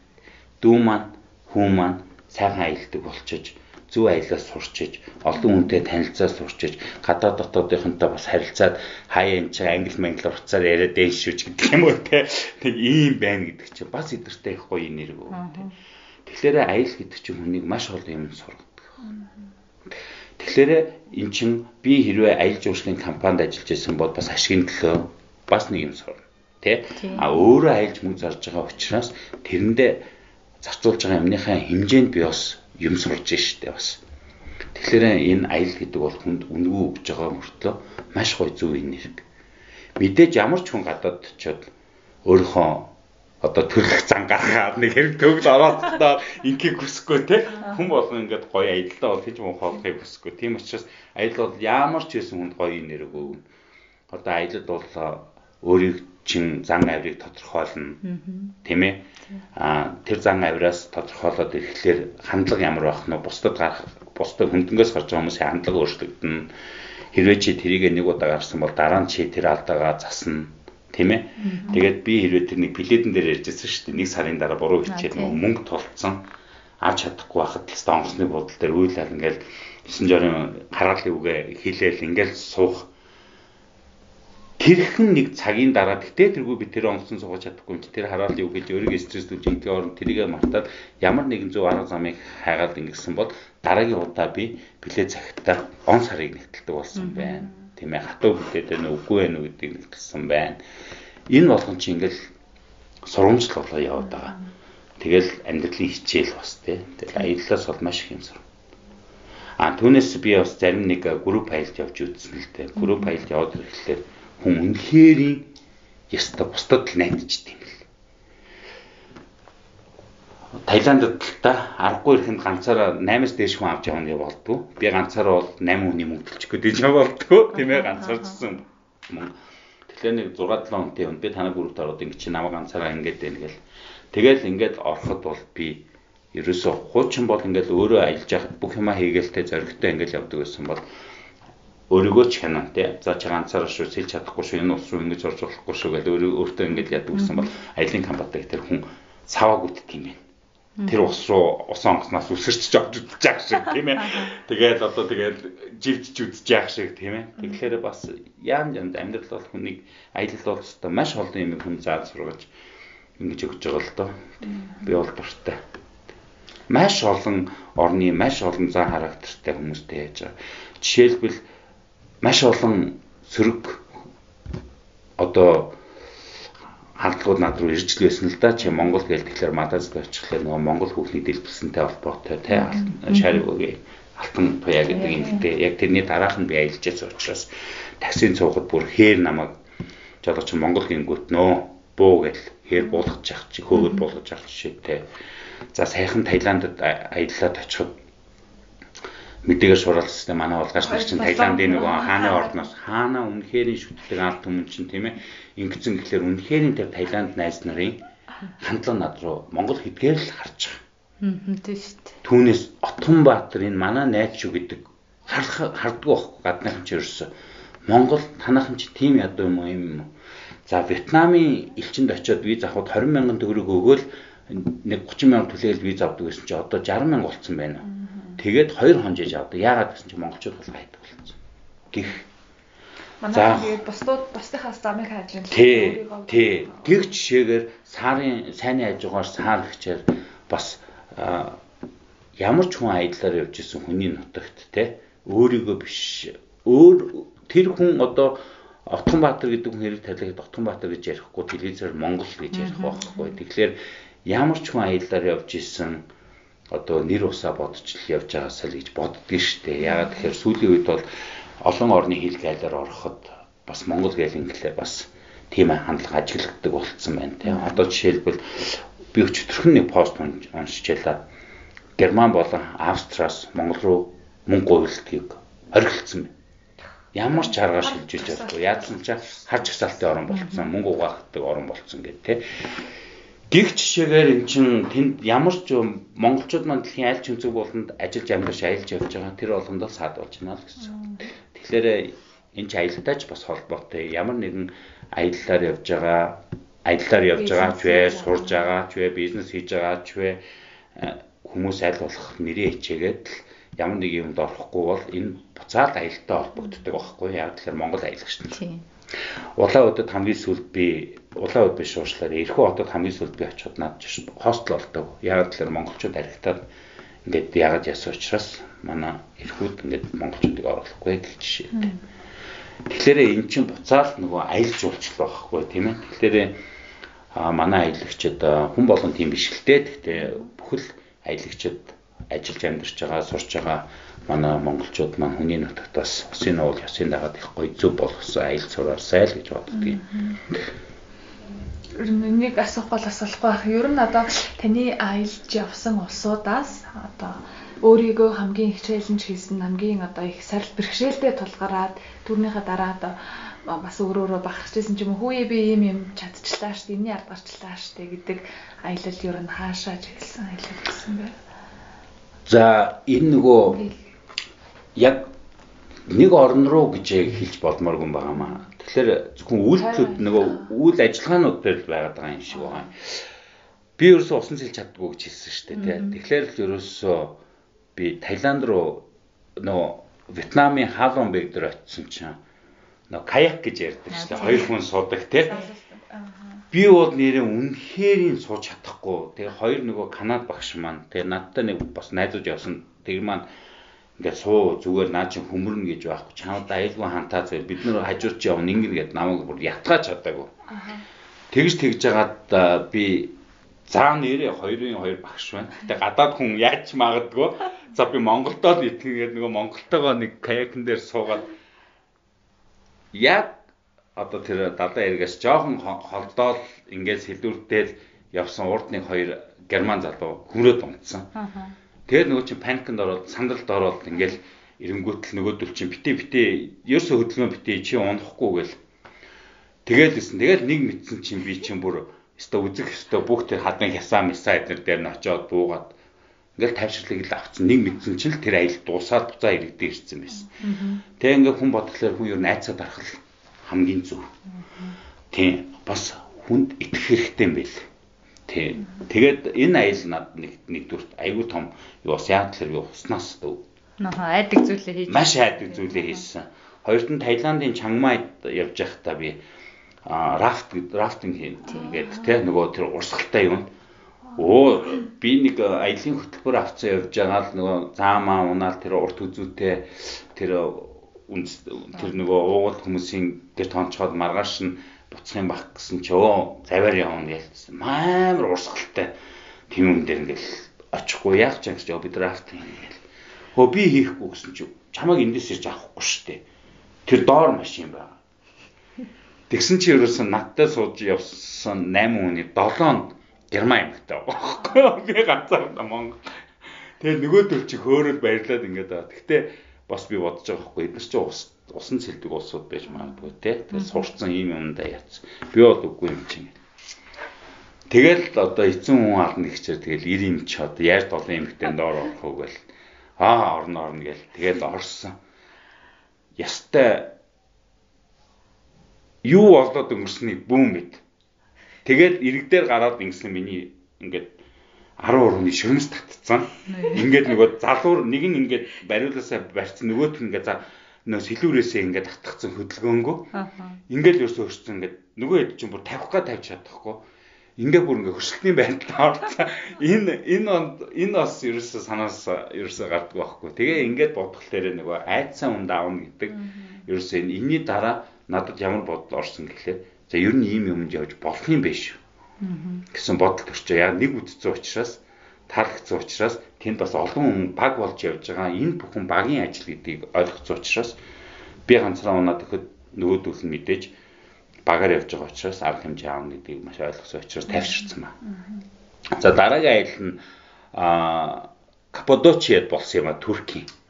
Каппадочиад нөгөө юм хадан дунд ингээд нөгөө оромжууд байдаг те. Тэгээд нөгөө яг тий. Тэр Каппадочи руу яг очихоос өмнө тэр нөгөө одоо манайхаар бол нөгөө нэх урт нөгөө явган аялал хийд юм бэл. Би өстө тэр аяллыг мдээгүй байхгүй бас л. Тэгсэн чинь л 10 хэдэн километр л тэр одоо нөгөө Америк руу нөгөө юунд байдаг? Great Canyon байдаг шиг тий? ерөөс тий. пүү хэдэн километр алхсан бэ. Би бүр өстө ангаас би бүр гайхсан. Тэгээд зааг чи энийг л хийхгүй бол чи энэ олон хүнийг хүлээлгэн тийм ээ чи нэрээ бодох хэрэгтэй гэл тэгэл хэвээр сөхөө сөвтгөл зүгээр урагшаага хараад зураг аваад алхацсан. Тэгэл барианд орсон. Эхний тавд орсон орой түүнээс тэгээд ингээд ирэхлээр хүн бас чаддаг юм байлээ. Тэгээд э, намайг орж ирэхэд э, хүмүүс алга тассан. Яагаад тэгэхээр яг нууцгүйхэд би чи маш хүн чинтэй хүн байсан, бүдүүн байсан. Тэгээд ийм юмд гарсан. За тэгээд миний хамгийн бас өөрийгөө сорьсон аялал Монголд болсон. 8 нуурын аялал. Сая явсан. Морин аялал байсан. Үнэхээр нэрээ би морин аялж явахаас өмнө компани тэр малчин айлаас үнэхээр морь зовох зовох юм биш үү? Би одоо 100 хэдэн кг 30 кг жинтэй хүн шүү дээ гэдгсэн. Аа зүгээр л гэсэн. Тэгээд би яг зүгээр найдвартай тийм юм хамаагүй болно гэж очисон чинь үнэхээр надад морь өгсөн. Тэгэл 3 хоног явна гэдэг бас. Тэгээд эн чинь давх газраа давхин тийм ээ. Тэгсэн чинь надад яасан гэхээр нөгөө ачаа ачдаг морь өгсөн байсан юм байна л да. Бас номхон гэж одоо Тэгэл жоох явж байгаа л цөхрөөд унцдаг. Тэгээд тэгээд нөгөөдөг чи яах вэ? Бөмбөрөөд унна үсттэй бүдүү үн чинь. Тэгэл эн чинь ядраад байна гэдээ ойлгоод идэг. Тэгэхээр нөгөө ачаа ачаа ачаа сургацсан мөр чи амын жоохон сул тавиад ингээр өөрөө нөгөө ачаа богч ингээд унцдаг юм байна л. За эхний нэг өдөр тэр мартагаа явсан. Би бүр нэр үнэхээр 7 унсан. Би бүр сүултээ бүр мэдэрдэг болсон. Яагаад гэвэл тэнд морь ундаг ч хүн байгаа, морь унцгүй ч хүн явж байгаа. Би голдны од байгаа байхгүй юу? Яа тэгэхээр яг нууц хүлэхэд э, би морон дээр мордол намайг нэг хөндлөж мордуулж өгч байгаа байхгүй юу? Тийм. Тэгээд юу яасан. Тэгээд дараа нь би хэлсэн л дээ нэг Үнэхээр энэ морин дээр би явж чадахгүй юм байна. Яагаад гэвэл тэгэхээр та төрүүлээ давчих гээд байгаа байхгүй юу? Давхгүй л наад морч ингэнэ гэдэг. Тэгээд тэр чин 17 8 15 6 оны аялал болсон юм аа. Аялал болсон юм тийм. Тэгээ явсан. Тэгээ сүултээ би бодсон л доо.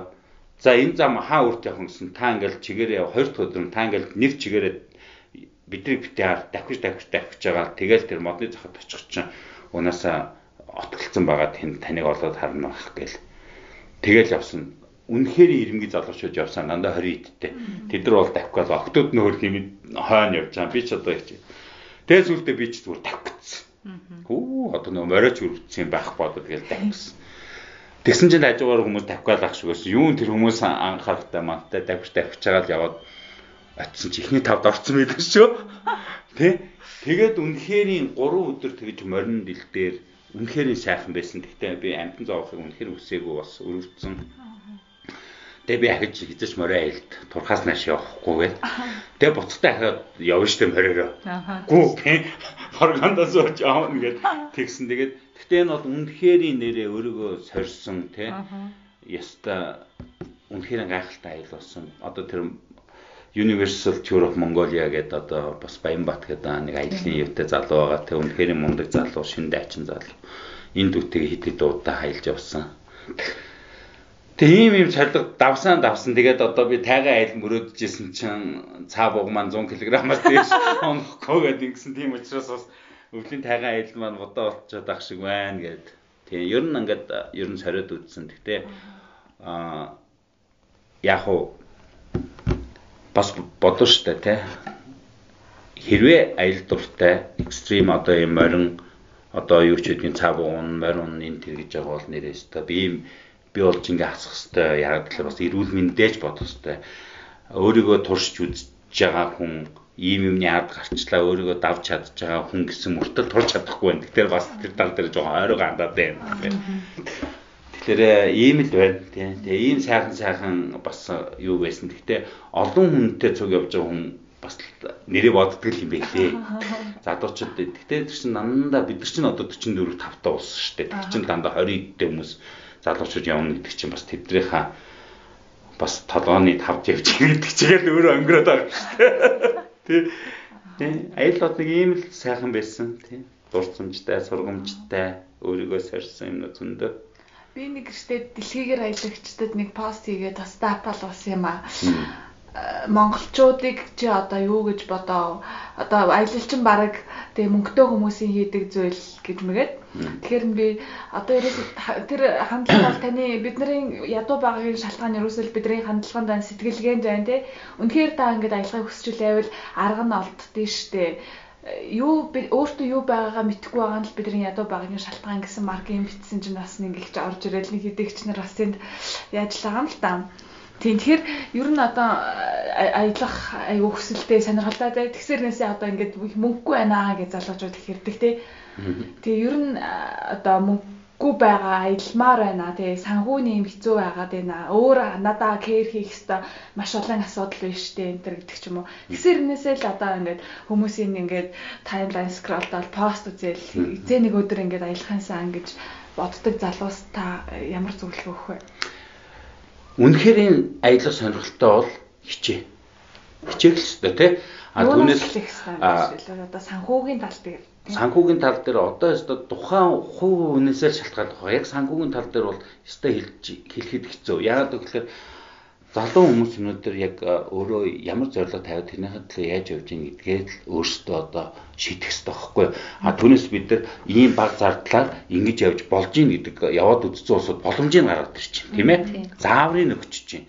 Тэгэхээр энийг олоод харцсан өөрөө явах сонирхолтой хүн байгаа бол тэрнийхээ төлөө зүтгэх хэрэгтэй. Зүтгэхийн төлөө яах хэрэгтэй? Ажил хийх хэрэгтэй, тийм ээ? Ажил хийх хэрэгтэй, мөнгө хураагаад яаж явах хэрэгтэй. Тэгэхээр аялал зүгээр хараад кап авч яадаг хүн байж болно. Харснаа хэрэгжүүлж яадаг бас нэг зорилготой хүн байж болж юм. Харснаа хэрэгжүүлж яана гэдэг чинь бас сонирхолтой. Одоо миний бас одоо фэйсбүүкийн найз байна тий. Далаа. Одоо оюун далаа гэдэг одоо би одоо фэйсбүүкийн нэрэж анзаарсан бол миний яг хөө фэйсбүүкийн найзууд бас мэдгэн мэддэг л баг. Явах төлөвлөсөн газараа би шууд фэйсбүүк дээр альбом бичдэг. Одоо сая гүнжин сум 10 сард явна гэж мөрөөдөд шууд альбом нээсэн байгаа үстэй тийм.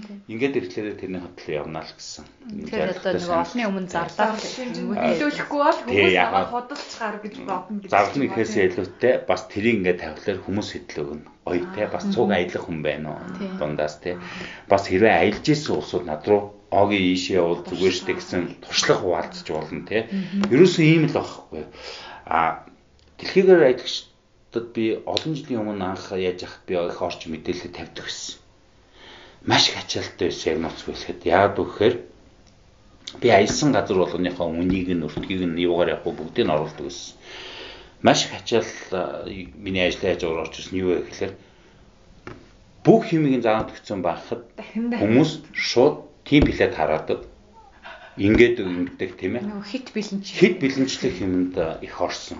Тэгээд тэрийг нь харж өгөхгүй бол доромжлох бас ийм бүлэг байна хүн болгон биш. А хоёр дахь юм бол бид нар хичнээн сайхан энергитэй энэ групп пэйжүүдийг авч явах хэрэгтэй тий. Бид нар аялал гэсэн бол аяллахаа талаар гой байх хэрэгтэй.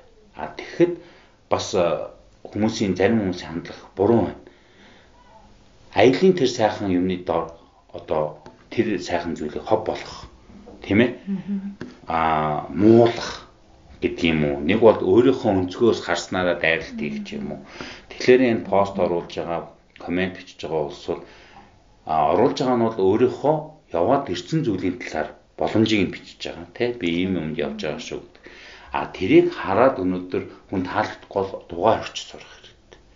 Хэрвээ таалагдчихвэл тэрийг нь нөхөж өөртөө хайгаад үзээд ингэ явцдаг болох хэрэгтэй. Ер нь тэгэхээр бид нар одоо манайх ер нь нийтлэг юм тэгж ажиглагдаад байна шүү. Ямар нэгэн пост ороход өө алж гардаг тийм. Хоёр хуваагддаг тийм. Нэг нь буруу нэг өөр өнцгөөс хараад нөгөө муулах шинжтэй нөгөөдөл нь а өөртөө харцгаа өнцгөөсөө ингээд ер нь юм болчдөг.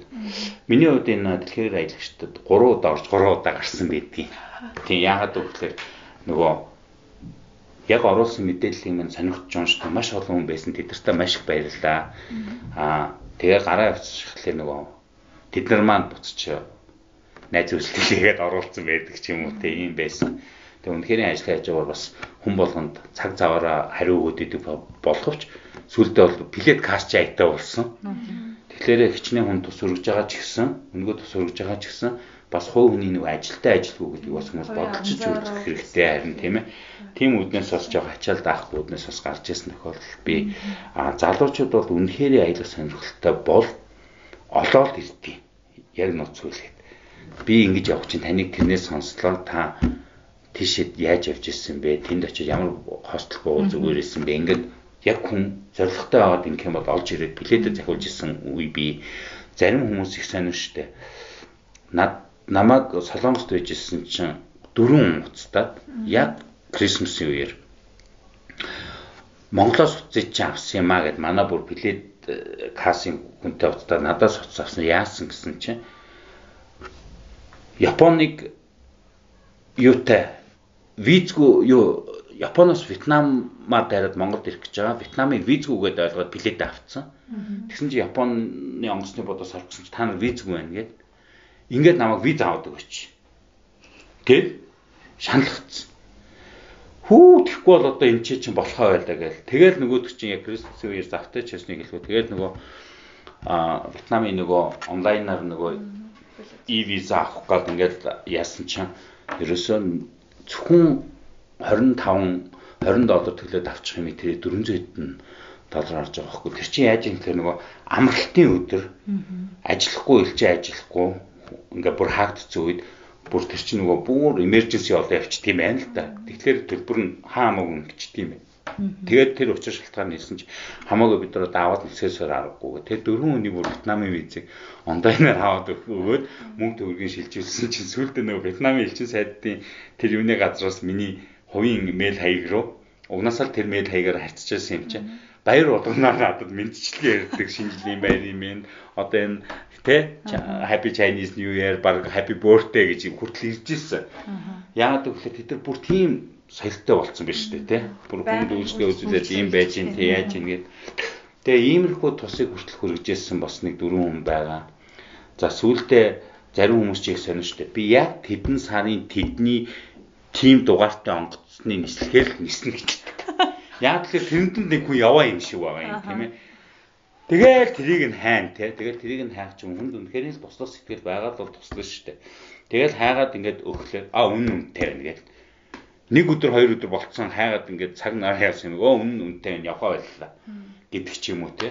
Бас иймэрхүү зөндөө их гардаг учраас энийг барьсан. А хоёрт өшөө нэг гоё нийтэмтэй юм юу вэ гэхээр яг энэ плед хайгаад тийшээ тэдэн дөрвөр явдггүйгээд хариу өгөөгүй байсан чинь нэг залуу намайг хоёр өдөр загинж баг яасан баг. Чиста пост оруулсныгаа юу гэж бодоод байгаа одоо жишээлбэл энэ термэр гэлс над руу хоёр өдөр шуурс. Тэгсэн одоо тэр хүнтэй хоороо дүү ах дүү хоёр болцсон. Тэр чинь одоо надаас дүү хөхтэйс юм байлээ. Тэгээд би хэдэн өдрийн дараа тэрийг нь уншаад өө уушлаар би ажилттай хүн байсан юм а. Тэгээд одоо чамд би ийм боломжоор туслая гэдээ явуулсан чи аа за баярлалаа гэх. Тэгээд найзын өсөлж явуулаад Тэгээ одоо тэрнээс хойш хэдэн жилээ 5 6 жилөө тэгээд одоо хоёр ах хоёр болсон явж идэг. Тэгээ ийм юм юмар их олон хүмүүстэй холбогддог. Тэгээ залуучууд бол ерөөсөө аялах одоо гэтээ одооны залуучууд их гоё болчиход байна шүү дээ. Хүссэн газар аялдаг болсон. Бидний баг багад тийм байхгүй ш. Монголоор ч аялах нь тийм ингэж маршрут байдгүй л байлаа шүү дээ, тий. Тэгэхэд одоо нэг үеэ бодоход залуучууд бол нэрээ гайхалтай аялдаг болсон байна. Дотоодын аяллыг гоё хийдэг болсон байна. А тэгтээ сайн ажгаар сарагчаар аялал жуулчлал хөгжиж байгаа ч гэсэн их орноо гоё хайрлаж, хамгаалж өстой зөв зохистой аялал гэдгээ аялал шиг хийдэг, зугаалга гэдгээ зугаалга шиг хийдэг те. Салгаж ялгаж ойлгодог. Ингиж гоё аялал сурчих юм бол одоо бол нэр үнэхээр би сая энэ 100 хэд хэдэн залуучуудтай нийлж аялсан те чамд бид нэр чамд нэрдэн бид нар аялсан. Өшөө тэр 8 нуурын аял хийлээ сая бөөр нуур халах гол гэд хийлээ. Ингээд тийм дунд говь руу өндөр шил говь ухтад руу би сайн дур яаж штэ мод тарих. Тэг говийг моджуулах ажил гээд сая тэднийх чинь бас э, гэрэлт гудамж хийсэн 10 жилээ байгаа хийгээд. Тэг ийм ийм э, сайхан э, аялал зөв аялал цураа зөв өнгөчих юм бол гоёо гоё. Тэг аялал бол ерөөсөн гайхалт. Одоо ингээд бид нар бүгдээрээ л ярьдаг л та Монголд аялал жуулчлал хөгжихгүй байна, дэд бүтээц байхгүй байна, аялал жуулчлалын салбарыг хөгжүүлэх бодлого байхгүй байна гэж яриад байдаг ярьсаар байгаад 40 жил болж байна шийдэгдэж чадахгүй. Тэгвэл залуучууд бид нар тэ аялахыг хүсдэг хүмүүс, ер нь залуучууд бид нар бүгдээрээ одоо Монгол жуулчид татахын тулд бид нар хувийн зүгээсээ бид нар ер нь яг юу хийх хэрэгтэй юм бэ таны бодлоор? Зөвд аялал сурах хэрэгтэй. Зөв хандлагатай байх хэрэгтэй тий. Одоо жишээлбэл бид нар наад зах нь монголчууд маань тэр болгон аялал жуулчлалын одоо цэнхээ аль башин гэдэг тэрнтэй газар буугаад ич чадахгүй. Тэгэхээр яаж ин дандаа майхантай аялал хийж ийн хямдхан хямд төсрөөр явна. Энэ бол буруу биш. Зөв Монгол оронтойгоо танилцаж яваад тэр болгондоо өөртөө аялж байгаа юмдаа эх орон сэтгэлгээгээр тийм ээ эх орноо хайрлах сэтгэлгээгээр сэтгэлээсээ ингэж гоё аялах хэрэгтэй. Нэг хог байсан ч түүгээд аваа явчихдаг тийм ээ.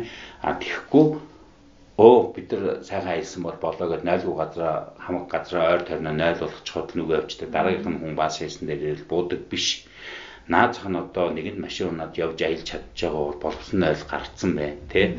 Өөртөө тийм юм аваа явчих хэрэгтэй. За айл болох тэгээд очиж байгаа газараа боловсон ойлгүй байлаа гэхэд хүрзээр юм авахад ойл авахад тэрийгэ булаа явцдаг ийм соёл суралцах хэрэгтэй авч явж байгаа баг насны хүүхэд болон ямар ч хүндээ нэг нь хог хайж хахад авчгаа гэсэн зөв шаардлага тавьчих хэрэгтэй. Гэг жишээлбэл бид нар өөрсдөө өөрөө өөрсдөөсөө эхэлж бид нар зөв хандлагатай зөв юм аялж сурч эхлүүл бусд асуудал бол тайгүй штэ. А хоёрт бид нар аялж уулчлал дэд бүтцэтгээд байна те. Бид нар бол аль болох одоо хийгээл ах шиг санагдаад дээдгийн ан гэхдээ аялж уулчлал бид нар өнөөдөр 1 сая жуулч аавна 2 сая 3 сая гэж аюу их ярьдаг мөрөөдөл байдаг боловч өнөөдөр бид нар ачаалаа бодох хэрэгтэй. Өнөөдөр ачаалд үнэхэрийн даах энэ үйлчлэх энэ байгууллагууд хангалттай байна уу? Өнөөдөр Цэнхрийн албан ёсны сая жуулчдын ирэх улирал нь өнөөдөр 5 сараас 9 сарын хооронд ч үдэ 10 сар гэтэл хаагдана. Энэ хооронд одоо 1 2 сая жуулч хүлээж авлаа гэхэд хэдэн зуун мянган Цэнхрийн албан ёсны дээр давхцаж ирэх үү? Тэгэхэд тэнд байгаа амралтын газрууд багтаамжинд хүрэлцэх үү? За өнөөдөр бусад аялал жуулчлалын бүс нутгуудад яг ингэхэд юу юу яг энэ олон сая жуулчин аваад ирэхэд хүмүүст нь хүрэлцэж гин үү бас энэ хүрэлцээнийхаа төлөвлөсөн энэ оруулж ирэх чад жуулчдынхаа дагуу бид нар одоо савал бэлдэх хэрэгтэй байхгүй тийм ээ тэр болгонд бид нар дандаа модон жолонтойгоо байх юм уу боловсон юмтай байх юм уу аялал жуулчлалын газар болгон ингэж бид нар боловснойл барьцдаг манай аялал жуулчлалын сезон чи эдээс хэдэн сарын хооронд үлээ байхгүй үед нь тэрийг хэн хариуцах вүлээ гэхээсээ илүү ер нь гэхдээ аялал жуулчлал гэхээсээ илүү надад бол нэг тийм юм ажиглагддгийн зүгээр аялал жуулчлалын одоо салбарынхан сонсоод бас гомдох вэ. Гэтэ яг үнэндээ бол манай аялал жуулчлалын салбарынхан би гэдэг үзэлтэй их өөртөө маш их ажилтдаг яг хамтрыг гэхэлэр би болоо аль жуулчны холбоогоо муулцсан л байж идэг тий одоо ингээд тэр аль жуулчны юм дээр холбоо холбооны юм хийхлээр өөр нэг хэдэн хүмүүс нь өөрийн нээцэн л хийчихэд ингэж төлөрч өгдөг би би би энийг хийдэг. Манайх ингээд ийм гэсэн үндэслэлээр л ингэдэг. Энэ бол яалтчгүй сая ковид дээр харагдлаа шүү дээ. Аль жуулчны салбар зогсоод ирэхлээр л төрлүүл бүгж яаж юм те төрөхөөс илүүтэй аялал жуулчлалын компаниуд ч гэсэн өөрсдөө хуваарь жуулчдад оруулж ирж олон 50 мянган хүн гэж ярьдаг тийм ээ ажлын байртаа болгож байгаа ч гэсэн тухайн компаниуд өнөөдөр жуулчтай аваад энэ тэн ч гэсэн отголж яваа штэ. Тэгэхэд яагаад тэрэндээ бас өөрсдөө 0 аваа явчих болохгүй. Тийм штэ. гэдэг асуудал дээр ч гэсэн шийдэл гаргаж болох байхгүй. Заавал төрөхөөсөө илүүтэй тэгээ явж байгаа компаниуд жишээ байж болж.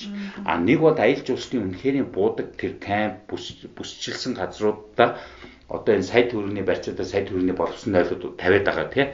Ингээд ингэлээр бодолтой ямар ч хүн тэнд зөвхөн жуулчлалд үйлчлэн гэж нэг хээр нэг модон жорхон бариад ингээл орхио явчихад тэр хинч дурын хүн ашиглан хинч эвдэс үлдэж болно. Ингэлээр энэ асуудал яаж шийдэж болох вэ? Өнөөдөр 10-аас дээш 10 ч ихгүй 5-аас дээш одоо аялал жуулчлалт яваад дандаа майхантай аялал хийж байгаа улсууд бол 0 авал явах хэрэгтэй. Тийм биз дээ. Тэгэхгүй бол тэд нар чинь майхантай бол албан ёсны юм дээр буухгүй учраас тэднийг хин хаана бууж юу хийж байгааг бид нар мэдэхгүй шүү дээ. Тэгэхээр ийм байх хэрэгтэй. Хоёрт надад бол ийм юм бодогддгийн. Гэтэ энэ аялал жуулчлалын компаниуд руу нэг хайртай дайрсан юм биш. Өнөөдөр үнэхээр аялал жуулчлалын компаниуд хичнээн одоо ингээд компаниудыг бий бол зүгээр сайн ажиглалаа. Бид нар 50 мянган ажлын байр бий болгодог. Жуулчтай авчирч бид нар те Монгол орныхоо одоо аялал жуулчлал юу ингээ хөгжилдөх юу оруулдаг гэдэг. Миний зүгээр боддог юм зүгээр ингээл бодшмаар юм шиг санагддаг. Монголын хэлээр орж ирсэн өнөөдөр жуулчдынхаа тоог яг гаргаад хэдэн төгрөг аялал жуулчлалд орж идгийг гаргах юм бол орж ирсэн жуулчин гарахтаа ямар компаниор үйлчлүүлсэ хэдэн төгрөг яасан баримтаал өгөх хэрэгтэй. Тэр баримтаар компаниуд хэдэн хувиа яг орлого зарлага нь орж ийн улсад төлж ийн гэдэг чинь л харагддаг шүү дээ. Бас нууцгүй хэлэхэд тийм биз дээ гадаадын хүн хизээч өгсөн мөнгнөөсөө дутуу баримт авахгүй. Тийм ээ. Тэгэхээр ингэж бас чанаржуулах хэрэгтэй. Ингэчээж бид нар цахим юмд оруулж ээж хяналттай үнэхээр аль аль жуулчлалын компани олон оруулж өчнөө юу яаж чинь татвараа зөв төлж гин үү. Манайх хүн аваагүй мэдэхгүй шүү дээ. Тэр дахин юм байдгүй үгүй би мэдэхгүй. Гэхдээ зүгээр миний бодол шүү те. Би энэ дайрч байгаа юм. Бас аялал жуулчлалын одоо энэ үнэхэрийн ажлын байр бий болгож байгаа юм том том аялал жуулчлалын компаниудаа бас бид нар захимжуулаад яг хилээр орж гарахтаа бүртгэлтэй тий хаана очиж байгааг бүртгэж байгаа шүү дээ. Унаасаа энэ бүхэн дээр. Тэг аялал жуулчлалын компанийн нь ягаад гарахтаа хувь хүнээс за та ямар компаниар үйлчлүүлсэн бэ? Та үйлчлэгийнхаа баримтаа. хураалга энэ болохгүй зүйл хүний эрх биш байхгүй юу Яагаад тэгэхээр ингээд бид нар ч гэсэн Филиппин одоо бодлого тодорхойлж дээ. Тийм дээ. Үнэхээр энэ хүмүүс нэг компанид хэдэн төгрөг зарлагтай явдгийг яаж орж ирсэн бэ? Хэдэн хоноод явсан бэ? Өрөвчтэй аялал бол өрөвчтэй аялагч нар бол би хуваарь аялсан гэх юм бол тий тодорхой хэмжээнд хэдэн төгрөгийн та зарлага гаргасан бэ ч гэдэг юм уу тий тийм юм яад иймэрхүү юм юм энэ тусаж оруулж өгч болдгүй болов гэж боддгийн. А бусад гадаадын орнууд нь энэ асуудал нь шийдэгдсэн зохицуулагдсан байдаг учраас би бол яадаг байх гэж одоо ямар нэгэн байдлаар би гадаад дайлагын компанид өгөхөд толоонд өгдөг штэ баримт те тэгдэг үсттэй те. А бусад хүмүүс сууж хилжүүлсэн ингэсэн тэгсэн гэдгээс тэгээ айгүй бол тэдэн цаашаа яам автай холбоотой байдаг байж магадгүй. Би бол яг мэрэгжлийн хүн биш болохоор мэдэхгүй байна. А гэхдээ надад энэ олон аялал жуулчлалын компани нэр дор ажил хийж байгаа. Энэ юмнуудыг ингэж бас л цэцлэмээр санагддгийг ер нь. Тэгэл одоо яг нууцгүй хэлэх тэр компаниар цалин авч байгаа. Маш олон хүн 10% төлж байгаа юм уу, үгүй юм уу, нийгмийн даатгал төлж байгаа юм уу, үгүй юм уу. Тийм ээ. Энэ бүх юмыг бас ингээд зэгцлэхгүй л бол бас яг ингээ хөдөөгөр аяллаар явж байхад да би ч гэсэн хуваарь авч явж байхад би яадгүй гэхээр тухайн улсуудад баримт өгнө тийм ээ.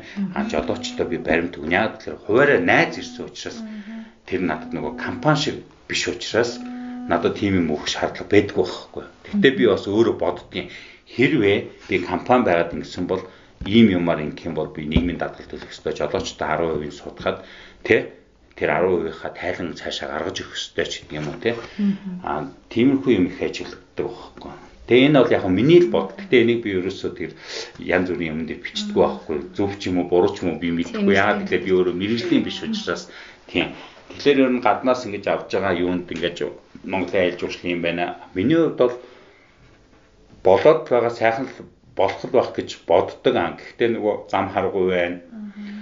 А хуучин дээр үед чинь дээр үесэл ч гэсэн дортоор дээр үед чи аймаг болгон баг зарим сум болгон лонгосны бодолтой байсан тий.